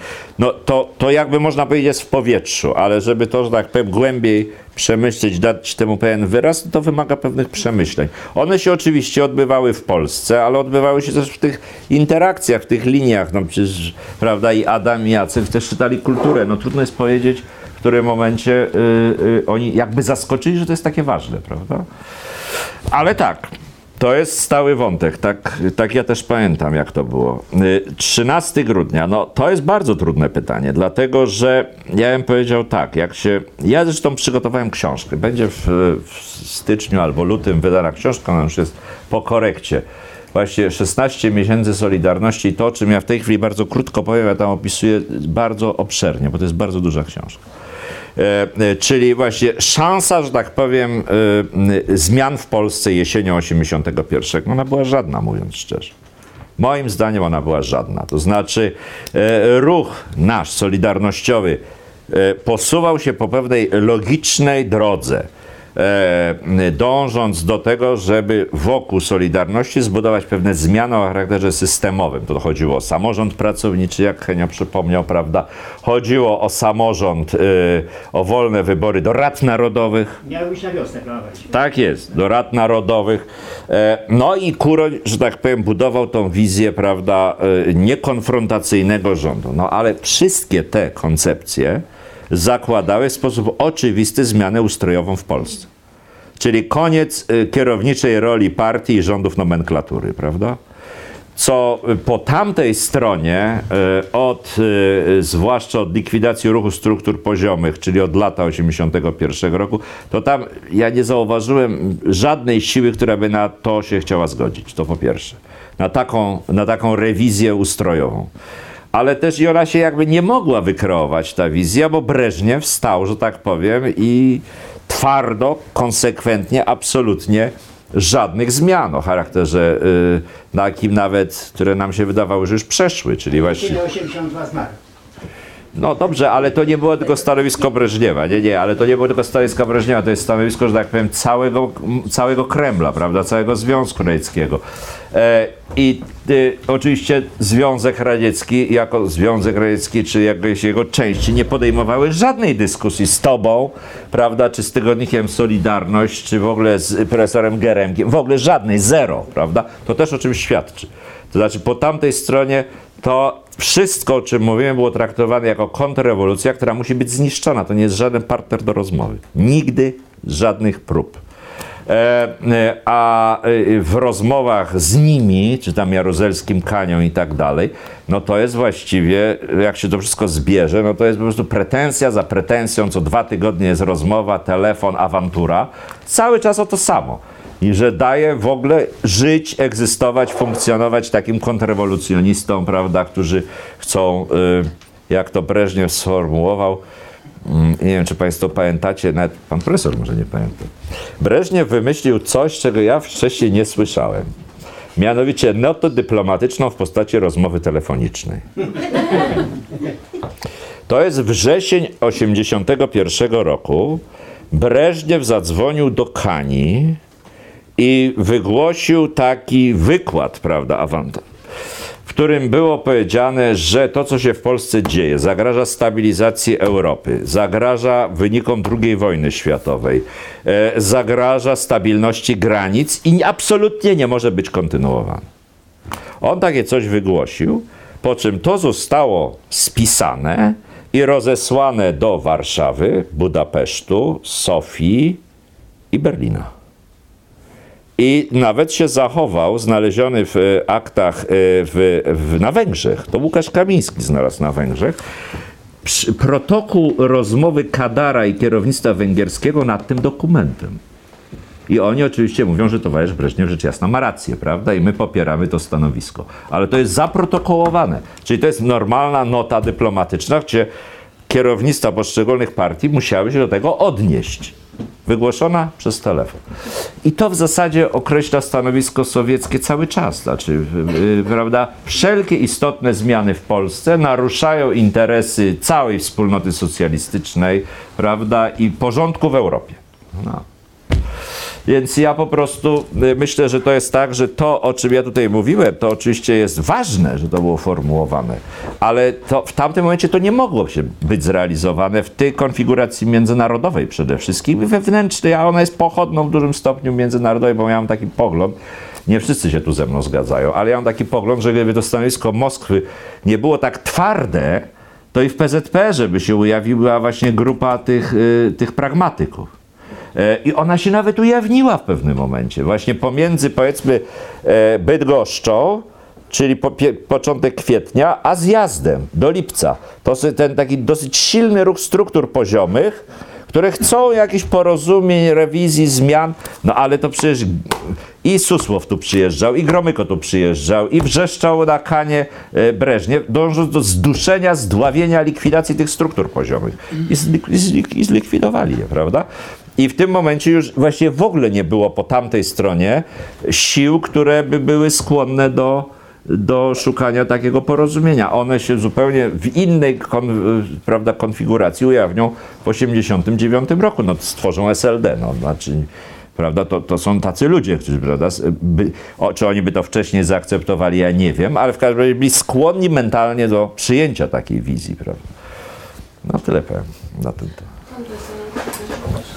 Po pierwsze chciałem podziękować, ponieważ uważam, że e, to było interesujące nie tyle ze względu na fakty, co ze względu na sposób myślenia, to e, ono, tak jak się zastanowić na chwilę, to e, Pańskie wystąpienie i prezentacja jest takim uświadomieniem, w jaki sposób następowało upodmiotowienie społeczeństwa i ludzi w Polsce. Znaczy, poprzedni system, on jak gdyby zakładał, że upodmiotowienie społeczeństwa jest fikcją, że mają być siły, wszystko jedno, e, nasze siły i tak dalej, ale natomiast tutaj nagle się pojawiło zjawisko, które e, było jak gdyby takim zwierzęciem, które nie powinno istnieć, które nie istnieje w przyrodzie, a nagle się okazało, że ono istnieje. I ja bym powiedział, że e, ten dialog wewnątrz środowisk katolickich i wewnątrz Solidarności to jest jedna strona. Ale była druga strona, gdzie to, co Pan powiedział, te grupy były od, można powiedzieć, niemalże od zawsze. Nie? Ta walka wewnątrzpartyjna to nie tylko była walka o władzę, to była walka o różne widzenie tego systemu. Znaczy po, po październiku w 1956 roku to była między e, Puławianami a e, Natolinem. Już to nie była walka tylko o władzę, bo wszyscy akceptowali Gomułkę jako potencjalnego przywódcę, ale jedni chcieli, żeby on y, uznał, że to jest pierwszy etap, potem będzie następny etap. To jest jedna sprawa. E, Druga dotycząca dialogu międzynarodowego, to powiem szczerze, że ja to nieco inaczej widzę w tym sensie, że dialog międzynarodowy opiera się na zupełnie innych założeniach, dlatego że w dialogu międzynarodowym są podmioty, które nie są demokratyczne. One są reprezentacją wspólnoty, w danym wypadku państwa. I powiem sobie, ja z całym szacunkiem dla tego, co zrobił y, Stoma i cały zespół Tygodnika Powszechnego, to trzeba sobie powiedzieć wyraźnie, że ze strony niemieckiej y, traktowano tych ludzi na płaszczyźnie kontaktów między stowarzyszeniami i ludźmi dobrej woli w Niemczech, ale ci ludzie nie byli reprezentacją narodu niemieckiego ani społeczeństwa niemieckiego, bo to były poglądy Niemczech bardzo odosobnione, krytykowane, zresztą jak słusznie powiedział, przez partię, która sprawowała władzę, czyli przez Hadecję. Innymi słowy, niemieccy katolicy byli tak w swojej masie, poczynając od konferencji biskupów katolickich, poprzez, e, że tak powiem, e, wszystkie główne organizacje związane z CDU, CSU, były przeciwne e, rezygnacji granicy Nordlinie. Teraz na Zachodzie było poparcie formalne, ale po cichu wszyscy widzieli, znaczy Stany Zjednoczone, Wielka Brytania, a zwłaszcza Francja, uważały, że ta granica już nigdy nie będzie zmieniona. Znaczy nie zakładano, że ona... Poparcie dla Niemiec było formalne. Nikt się nie angażował, nie było żadnych obiecanek w stosunku do rządu polskiego. Natomiast w Niemczech po zmianach w październiku 1956 roku pojawiła się koncepcja wewnątrz Hadecji, minister spraw zagranicznych był wtedy von Brentano, który w sposób niezwykle delikatny, ale czytelny, taki wyraźny, powiedział, że czas dojrzał do tego, ale byśmy się porozumieli z rządem polskim w sprawie ustalenia granicy na Orgenysie. Założenie było takie, że ustalenia, czyli zaakceptowania tej granicy, to jest warunek zjednoczenia Niemiec, uznanie granicy na Orgenysie. Otóż on to powiedział dwukrotnie, raz dla Die Welt, raz w jakiejś jeszcze mniejszej gazecie y, mało istotnej, ale ponieważ y,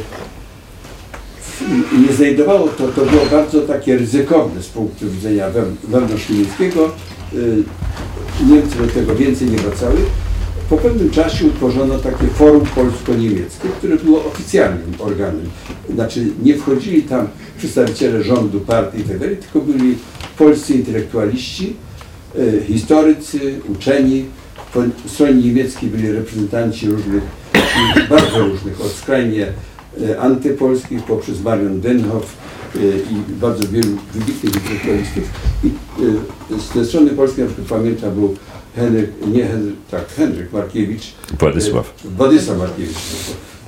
Władysław Markiewicz, który odgrywał bardzo pozytywną rolę. Było kilku innych. Na, na czele stał najpierw Rakowski, potem był Wojna.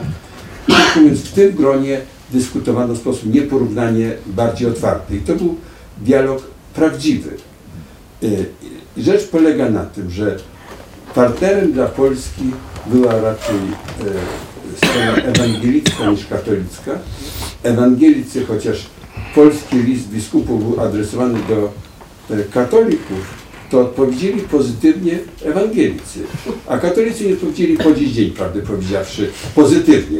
Znaczy, jest kilka dokumentów wspólnych, ale odpowiedzi w formie listu y, ze strony konferencji biskupów katolickich niemieckich nigdy nie było.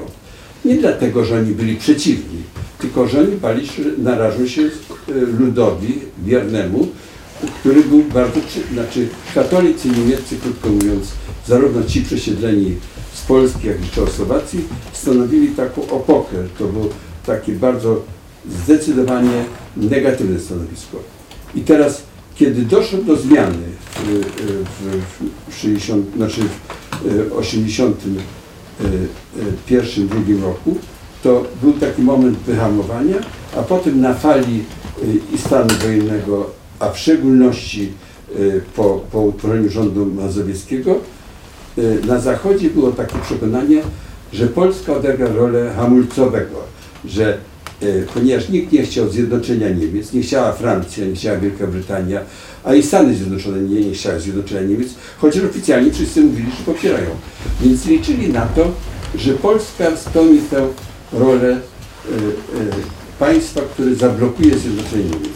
I tu było wielkie zaskoczenie, że Mazowiecki i to środowisko Tygodnika Powszechnego Więzi Znaku y, odegrało wtedy fundamentalną rolę, ponieważ nie miało ono oporów, żeby na zasadzie właśnie dialogu i dobrej woli zademonstrować gotowość do uznania e, prawa Niemiec do zjednoczenia.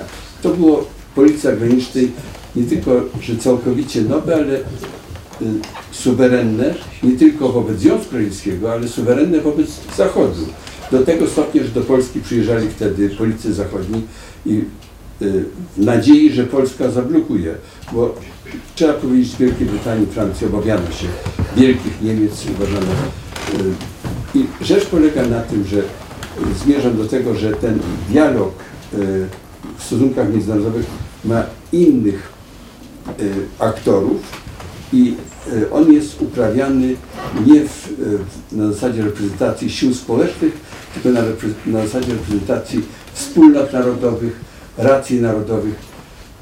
I, to, co Pan przedstawił jako pewien taki fenomen w Polsce, on jest tym większym fenomenem, że akurat w Polsce nie było z tradycji dialogu, że w Polsce ten e, takie rozbicie, ono ma bardzo głębokie tradycje, o wiele większe niż poszukiwanie dialogu.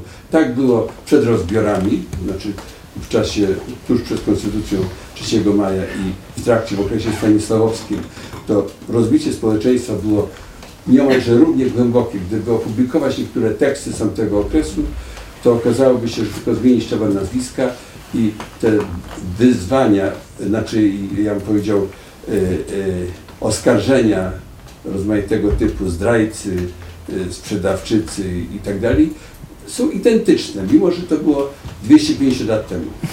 Potem, na przykład, kiedy Polska została zaatakowana przez Niemcy, to wydawałoby się, że zadaniem numer jeden jest zjednoczyć się y, w związku z tym, że na, na porządku dziennym staje pytanie, czy Polska przetrwa tę wojnę. A tutaj zadaniem numer jeden stało się rozliczyć tych, którzy odpowiedzialni są za klęskę wrześniową.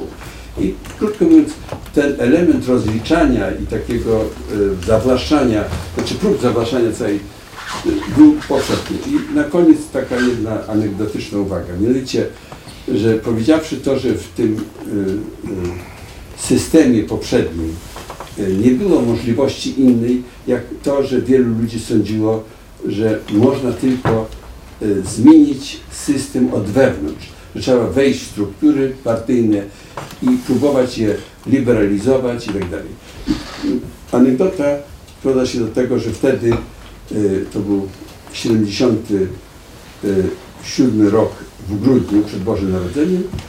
Ja byłem w Belgradzie przyjechał Rakowski. Myśmy się spotkali, poszliśmy do, do takiej restauracji. On cały czas mówił na temat tego, że ten system nie funkcjonuje. Że to, co się w Polsce dzieje, to nie funkcjonuje. To był 77 rok. Wtedy, kiedy była taka niezwykle popularna teza, że Polska odgrywa rolę, jest z Warszawy brzmi głos stabilności, spokoju, bezpieczeństwa. Przyjeżdża Carter, a przedtem był e, Giscard d'Estaing, a przedtem był e, Helmut Kohl i tak dalej, że wszyscy ważni patrzą tylko na Warszawę i on przyjeżdża i mówi, słuchaj, to, jest, to, to w ogóle nie funkcjonuje. Mówi, i właściwie ja nie mam, to, nie, nie mam w ogóle jakiejś wizji, co można byłoby zrobić. Mówi, czy, czy ty uważasz, że to się da jakoś zmienić? Ja mówię, z punktu widzenia formalnego, formalno-prawnego, to, to jest państwo, które ma trzy partie. PZPR, ZSL i e, SD. Ja mówię, jeżeli by się potraktowało, gdyby była wola, żeby ZSL i SD zaczęły odgrywać rolę prawdziwą, to to może po, ewolucyjnie przekształcić się w system wielopartyjny. I on mi na to mówi, wiesz, twoje rozumowanie jest takie, jakbyś poszedł do teatru i powiedział do reżysera, że tam co jest taka dekoracja, jest, mówi, y, stoi y, jedno drzewo wiśniowe, jedno z jabłoń i żeby one zaczęły owocować. Mówi, jeśli by ten reżyser był w stanie spowodować, tak samo ci, którzy Polską w tej chwili rządzą, oni mają do czynienia z taką teatralną dekoracją, a ty oczekujesz, że ona zacznie owocować. Taka uwaga, że tak powiem, na temat tamtego systemu człowieka, który był w środku i który miał ambicje, żeby to zmieniać. I jedyną formą to było właściwie uprawianie tej publicystyki w polityce, która w pewnej mierze przygotowywała społeczeństwo również do myślenia. Absolutnie tak. To znaczy, ja myślę zresztą, że z, z Rakowskim tutaj wspomnianym jest ten problem, że on w tym okresie był rzeczywiście otwarty, krytyczny, ale, ale jasne, że tak samo bał tego Breżniewa, bardziej może niż, e, niż Michnik czy Kuroń, bo więcej wiedział siłą rzeczy o, ty, o tych tendencjach z Moskwy i to hamowało horyzont zmian możliwych. Natomiast no, w roku 81 no, to się zaangażował zdecydowanie, jednoznacznie i, i to w jakimś sensie, e, to, to w jakimś sensie powoduje jakby taki Znaczy on nie umiał przekroczyć swojej bariery, swojego ograniczenia. Stał się częścią taką, ja bym powiedział nawet oknem wystawowym. Tak. I to dosyć, to dosyć trwałe to było, bo to przecież w 89 Do 90 80 Tak, natomiast to, co Pan tu powiedział o tych, y, o tych środowiskach, takich jak właśnie Forum Polsko-Niemieckie, czy ja sobie przypomniałem, czy jak Pan mówił, komisję podręcznikową, bardzo ważną, polsko-niemiecką. Oczywiście, tego, i tego ja bym absolutnie nie negował. E, wręcz przeciwnie, uważam, że to jest bardzo ważne, bo wydaje mi się, że oprócz tego, y, co pan profesor mówił, czyli tego dialogu, który jest właściwą polityką zagraniczną, odbywa się przez instytucje do tego przeznaczone, ludzi upełnomocnionych do tego przeznaczonych, e, e, to tutaj mówimy o czymś, co jest absolutnie nieformalne, co, o- co raczej oddziaływuje na opinię publiczną i na elity, często w ogóle niepolityczne, ale czasami o tyle polityczne, że w tym, w tym dialogu uczestniczą, nie wiem, komentatorzy, prawda, z y, prasy, wykładowcy y, na ważnych katedrach uniwersyteckich, ludzie, którzy potem, prawda, uczestniczą w różnych dyskusjach, gdzie się buduje pewne wyobrażenia o, o, o relacjach z innymi narodami. W związku z tym ten element dialogu, y, on ma swoje znaczenie i miał swoje znaczenie. To ja właśnie się kiedyś spierałem się z Rakowskim. Była taka między nami dyskusja, teraz już w Wolnej Polsce, gdzie on właśnie mówił, a co to miało za znaczenie? O list biskupów chodziło. A co to miało za znaczenie ten list biskupów? No jednak nie, no. No miał znaczenie. No właśnie. A on miał taką tendencję, że tak powiem, że tylko traktat Brand-Gomułka. No pewnie, że tak. Znaczy traktat Brand-Gomułka Ale bez- fundamentalny. Ale ale- bez tego nie byłoby tego brandu Gomułka. Trzeba powiedzieć, że, że Gomułka w istocie rzeczy, chociaż bardzo zwalczał ten, znaczy to był, to był jego główny moment y, oblewania najgorszym, y, z, najgorszymi słowami ten, jego przy, wystąpienie przy Kulturowiczowi. Więc to jak powiedział, ten typ dialogu, że on y, y, w stosunku wtedy, kiedy y, pojawił się ten list i Tygodnik Powszechny poparł to, on uznał, że to jest moment, kiedy trzeba przerwać, ponieważ Turowicz i Tygodnik Powszechny wyrasta na pewną nową siłę. I on uderzył w taki, taką nutę narodową, że oto tutaj jest antynarodowa postawa jakim prawem tylko my, partia rządząca, państwo mamy prawo do rozmowy z Niemcami. Ale po chwili, znaczy minęły dwa lata i kiedy się dowiedział, że e, Brandt prowadzi ciche rozmowy e, tajne z Rosjanami, to on, nie pytając Rosjan o zgodę, zaproponował, że bez żadnych warunków wstępnych podejmie dialog z Niemcami. Ja jedną rzecz chciałem tylko powiedzieć, skorzystam z okazji, to jest wątek taki e, właściwie opisany będzie prawdopodobnie za 50 lat. Mianowicie, że w Polsce dzisiaj, jak się pisze na temat Polski powojennej, to y, jest taka krytyczna ocena wszystkiego, niesuwerenne państwo i tak ale y, trzeba powiedzieć sobie tak wyraźnie, że to, że Polska dostała granicę na Odrzejnysie i ziemie północne, znaczy czyli zachodnie i północne, to był wynik takich trzech elementów. Pierwszy, że Stalin chciał osłabić Niemcy. Drugi, że chciał dać Polsce jakąś rekompensatę, żeby legitymizować ten, tę nową władzę, żeby ona miała przez naród była za coś popierana. Więc za, tu jedynym, to państwa zachodnie były przeciwne. I trzeci element, którym on wyraźnie powiedział de Gaulle'owi w czasie rozmów, że bo de Gaulle był przeciwny też, żeby Polska dostała tak, tak duży obszar.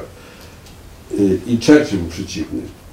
Y, I on do de Gaulle'a powiedział, y, jak de Gaulle powiedział, że Polska nie potrafi tego strawić, on powiedział, potrafi, my pomożemy. A, jak de Gaulle powiedział, ja się boję, że to wywoła w Niemczech tak, takie same y, nastroje, jak były po I wojnie światowej, na to on powiedział, ale wie pan, my wbijemy na trwały klin między Niemcy a Polskę, że Polska nigdy już nie będzie się w stanie porozumieć z Niemcami. I taki chichot historii polega na tym, że udało się, że Polska ma z Niemcami lepsze stosunki niż miała kiedykolwiek w historii, I, I ta granica została jak gdyby strawiona przez Niemcy. Otóż tego on nie brał pod uwagę. I to ja o tej sprawie mówię dlatego, że bardzo wiele osób dzisiaj w sprawie dialogu na przykład między Polską a Rosją oczekuje, że Rosja przyjmie sposób rozumowania taki, jaki my mamy. Otóż nie przyjmie, dlatego że nie tylko, że Rosja jest inna, ale dlatego, że w Polsce ta zmiana nastąpiła w tym sensie, że my mamy y, upodmiotowienie społeczeństwa. W Rosji tego upodmiotowienia społeczeństwa nie ma. I obecna ekipa nie stawia na to. I teraz dla Polski powstaje problem, czy w związku z tym w ogóle Rosji nie uznawać, ponieważ dopóki nie będzie demokratyczna, czy przyjąć Rosję taką, jaką ona jest.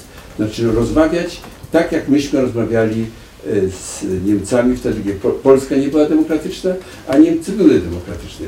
Innymi słowy, to niezrozumienie tego, że w stosunkach międzynarodowych obowiązują inne reguły, to jest niezwykle istotne. Że w stosunkach międzynarodowych reprezentuje się wspólnotę narodową, a nie partie polityczne. Może jeszcze jedna uwaga, mianowicie troszkę zabrakło środowiska krzywego koła, które stworzyło pewną odmianę tego dialogu jako takiego. Chciałbym się upomnieć o tą szczególną grupę ludzi, którzy wnieśli tak wiele w tak krótkim czasie. Nie, nie, no to ja, znaczy, tylko że klub Krzywego Koła to jest historia popaździernikowa, to jest troszeczkę jakby moim zdaniem w innym, e, e, e, ja gdzie indziej umieszczam. Znaczy, no tak, znaczy to jest dialog ludzi o różnych, e, e, z różnych światopoglądów pochodzących, z różnych, znaczy po prostu inteligencji polskiej różnych nurtów, prawda?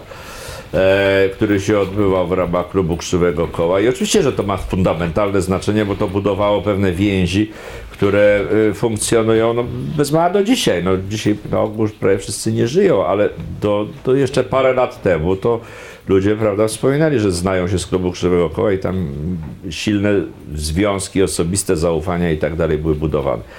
E, e, ale e, klub Krzywego Koła z natury rzeczy, że tak powiem, jako instytucja do, do dyskusji, takiej jak my tu odbywamy, prawda, na tematy różne, on nie próbował wypracować wspólnego sposobu rozumienia pewnych kwestii. Poza tym, że dyskutujemy i mamy no, właśnie liberalny, wolnościowy kierunek ku prawu, prawda, żeby ono było przestrzegane i tak dalej. Te pewne rzeczy tam oczywiście były, które łączyły te ludzi, budowały taką zasadę, ramy, w których dyskutowano. Natomiast, natomiast y, on nie wypróbował wypracować pewnych koncepcji, prawda, takich teoretycznych, bo też to było chyba niemożliwe w, w tym środowisku, ale jasne, tu powinno paść oczywiście nazwisko Jana Józefa Lipskiego przede wszystkim, który akurat mało pisał o takich sprawach, ale napisał jedną rzecz o fundamentalnym znaczeniu, którą wszyscy znamy, prawda?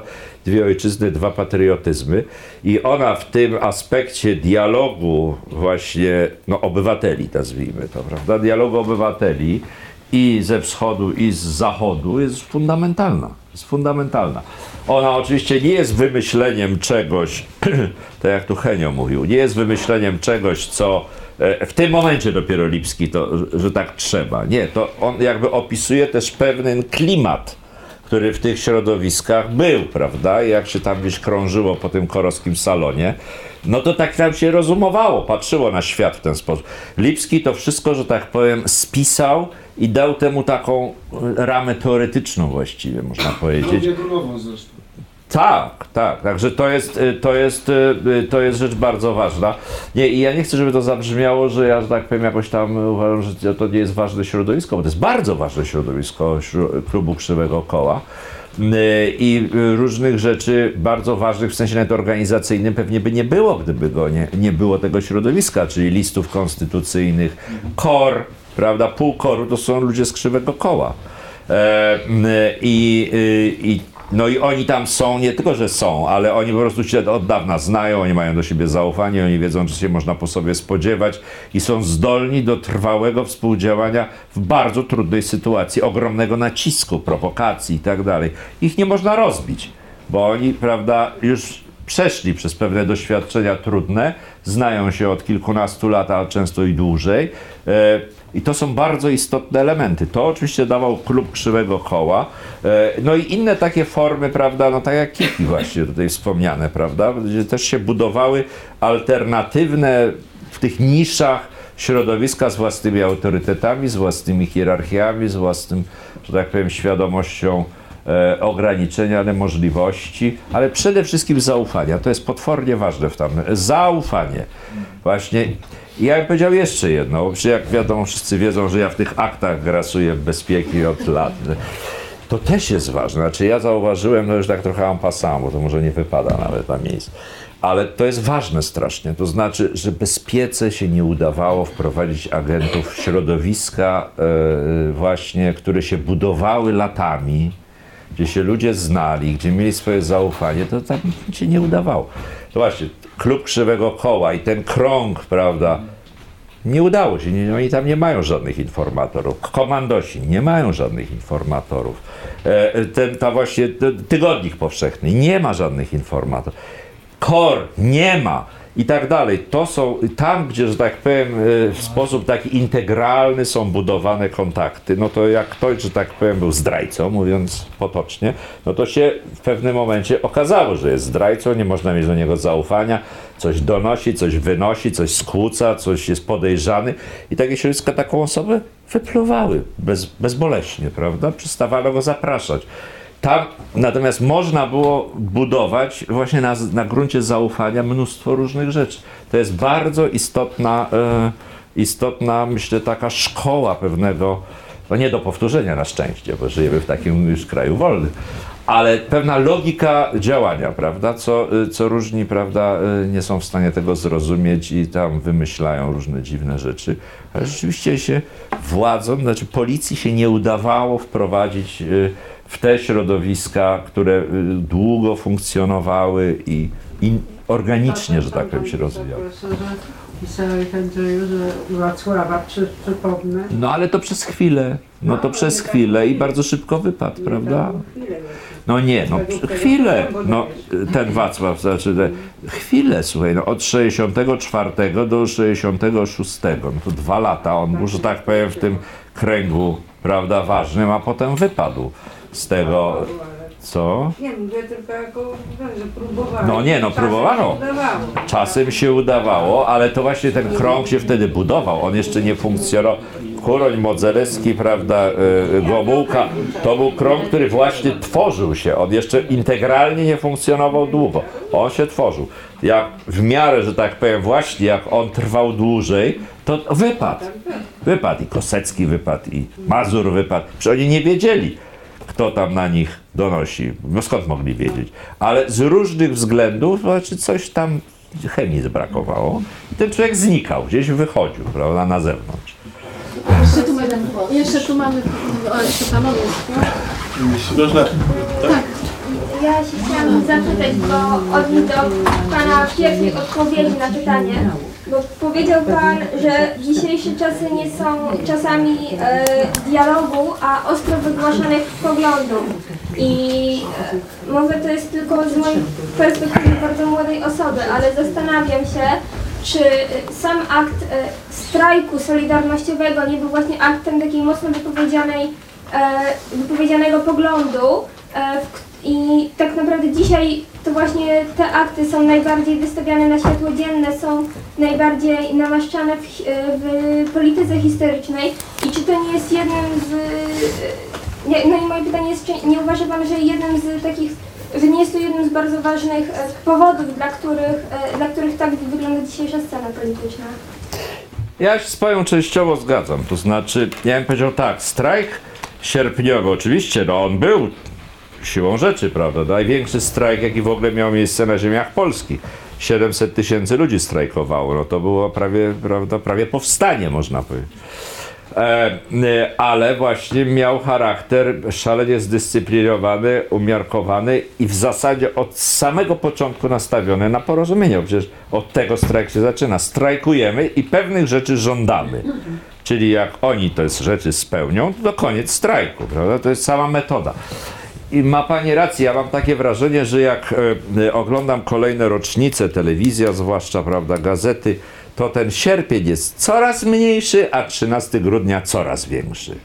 I w gruncie rzeczy, jak my mówimy o historii Solidarności, to pierwsze skojarzenie to jest 13 grudnia. Czyli konfrontacja na ostro, prawda, film pokazuje, prawda, w dzienniku telewizyjnym. Tak, to też, ale pokazuje przede wszystkim brutalne starcie, prawda? Ten materiał filmowy o tym nam mówi. Tu wojsko, czy tam y, milicja, ZOMO, prawda? Tam więźniowie, tam zabici, tu wujek. To buduje pewną przestrzeń wyobraźni, która jest dokładnie odwrotna. Znaczy, to wszystko jest prawda, to wszystko miało miejsce, ale prawda, kiedy mówimy o Solidarności, to ja też mam takie wrażenie, że coraz ten sierpień jest mniejszy. I on coraz właściwie coraz staje się mało zrozumiały. No właściwie, właściwie słownictwo też jest moim zdaniem bardzo niedobre, e, które wszyscy używają, czyli mówią o jak się mówi o e, jak się mówi o Narracja. co? Słucham? Narracja. Nie, nie, nie, nie narracja. Używa się karnawał Solidarności. Karnawał Solidarności. To moim zdaniem to w pewnym sensie deprecjonuje, bo karnawał nie jest czymś poważnym. To znaczy karnawał to jest zabawa po prostu. No nieprawda. I wtedy to, w tej narracji karnawał Solidarności jest zakończony, prawda, łomotaniem 13 grudnia, strzelaniem i tak dalej. To nie oddaje istoty tych wydarzeń, bo to, to no, znaczy karnawał, no pewnie, że było luz i tak dalej. Radości prawdopodobnie. Tak, bo był ten element radości, ale jednocześnie był ten element namysłu, był element wypracowywania pewnych bardzo ważnych rzeczy, które, że tak powiem, e, e, były bardzo poważne. E, więc coś takiego, wie pani, jest. Ja, ja rzeczywiście się tym martwię, ale zauważam to w kontaktach ze studentami zresztą, że to jest wynik trochę też, że właściwie e, dzisiaj e, ludzie są przyzwyczajeni do bardzo prostego, krótkiego przekazu i ten 13 grudnia da się bardzo prosto opowiedzieć w jednym zdaniu. Czerwony, władza zaatakowała naszych i dokonała tam różnych masakr. To nawet można w odpowiedzi napisać, jednym lince się mieści. Żeby powiedzieć, jaki był sens sierpnia, prawda, strajku, porozumień, to już jest dużo bardziej skomplikowana natura rzeczy. E, ale oczywiście z tą tendencją moim zdaniem trzeba walczyć, bo ona poza jej funkcją taką wychowawczą, to ona prowadzi do fałszowania historii, a tego nie wolno robić. że porozumienie nie leży w naszej naturze. Jedna krótka refleksja, której nie mogę się oprzeć, jedno pytanie, a refleksja e, dotyczy, ta wspaniała opowieść jest de facto opowieścią e, o intelektualnej elicie kierującej się wartościami, która skutecznie wpłynęła na bieg historii, prawda? Tak możemy to skomentować. I teraz z niepokojem myślę o dzisiejszym czasie, myślę, że to pytanie też wynikało z niepokoju młodej osoby, co się dzisiaj dzieje, że nie ma tej elity takiej i nie ma możliwości komunikacji, o których sam pan profesor powiedział z, z jakichś powodów. Tak? Dzisiaj kto inny do nas mówi, kto inny kształtuje nasze umysły, emocje. Więc jakaś tak, taki smutek, że, że to jest pieśń, która o przeszłości, która się nie, nie wiem, czy ma szansę powtórzyć. Tak? I, tak? Ale jest to jakaś nostalgia za starymi czas, z czasem, kiedy wszystko było jasne, prawo, lewo. Nic nie było jasne moim zdaniem. Znaczy Nie było jasne. Jest u pana jakaś nostalgia. Znaczy jeszcze na tyle mam lat, że nie wydaje mi się, że wtedy było wszystko jasne. Myśmy też w latach 70.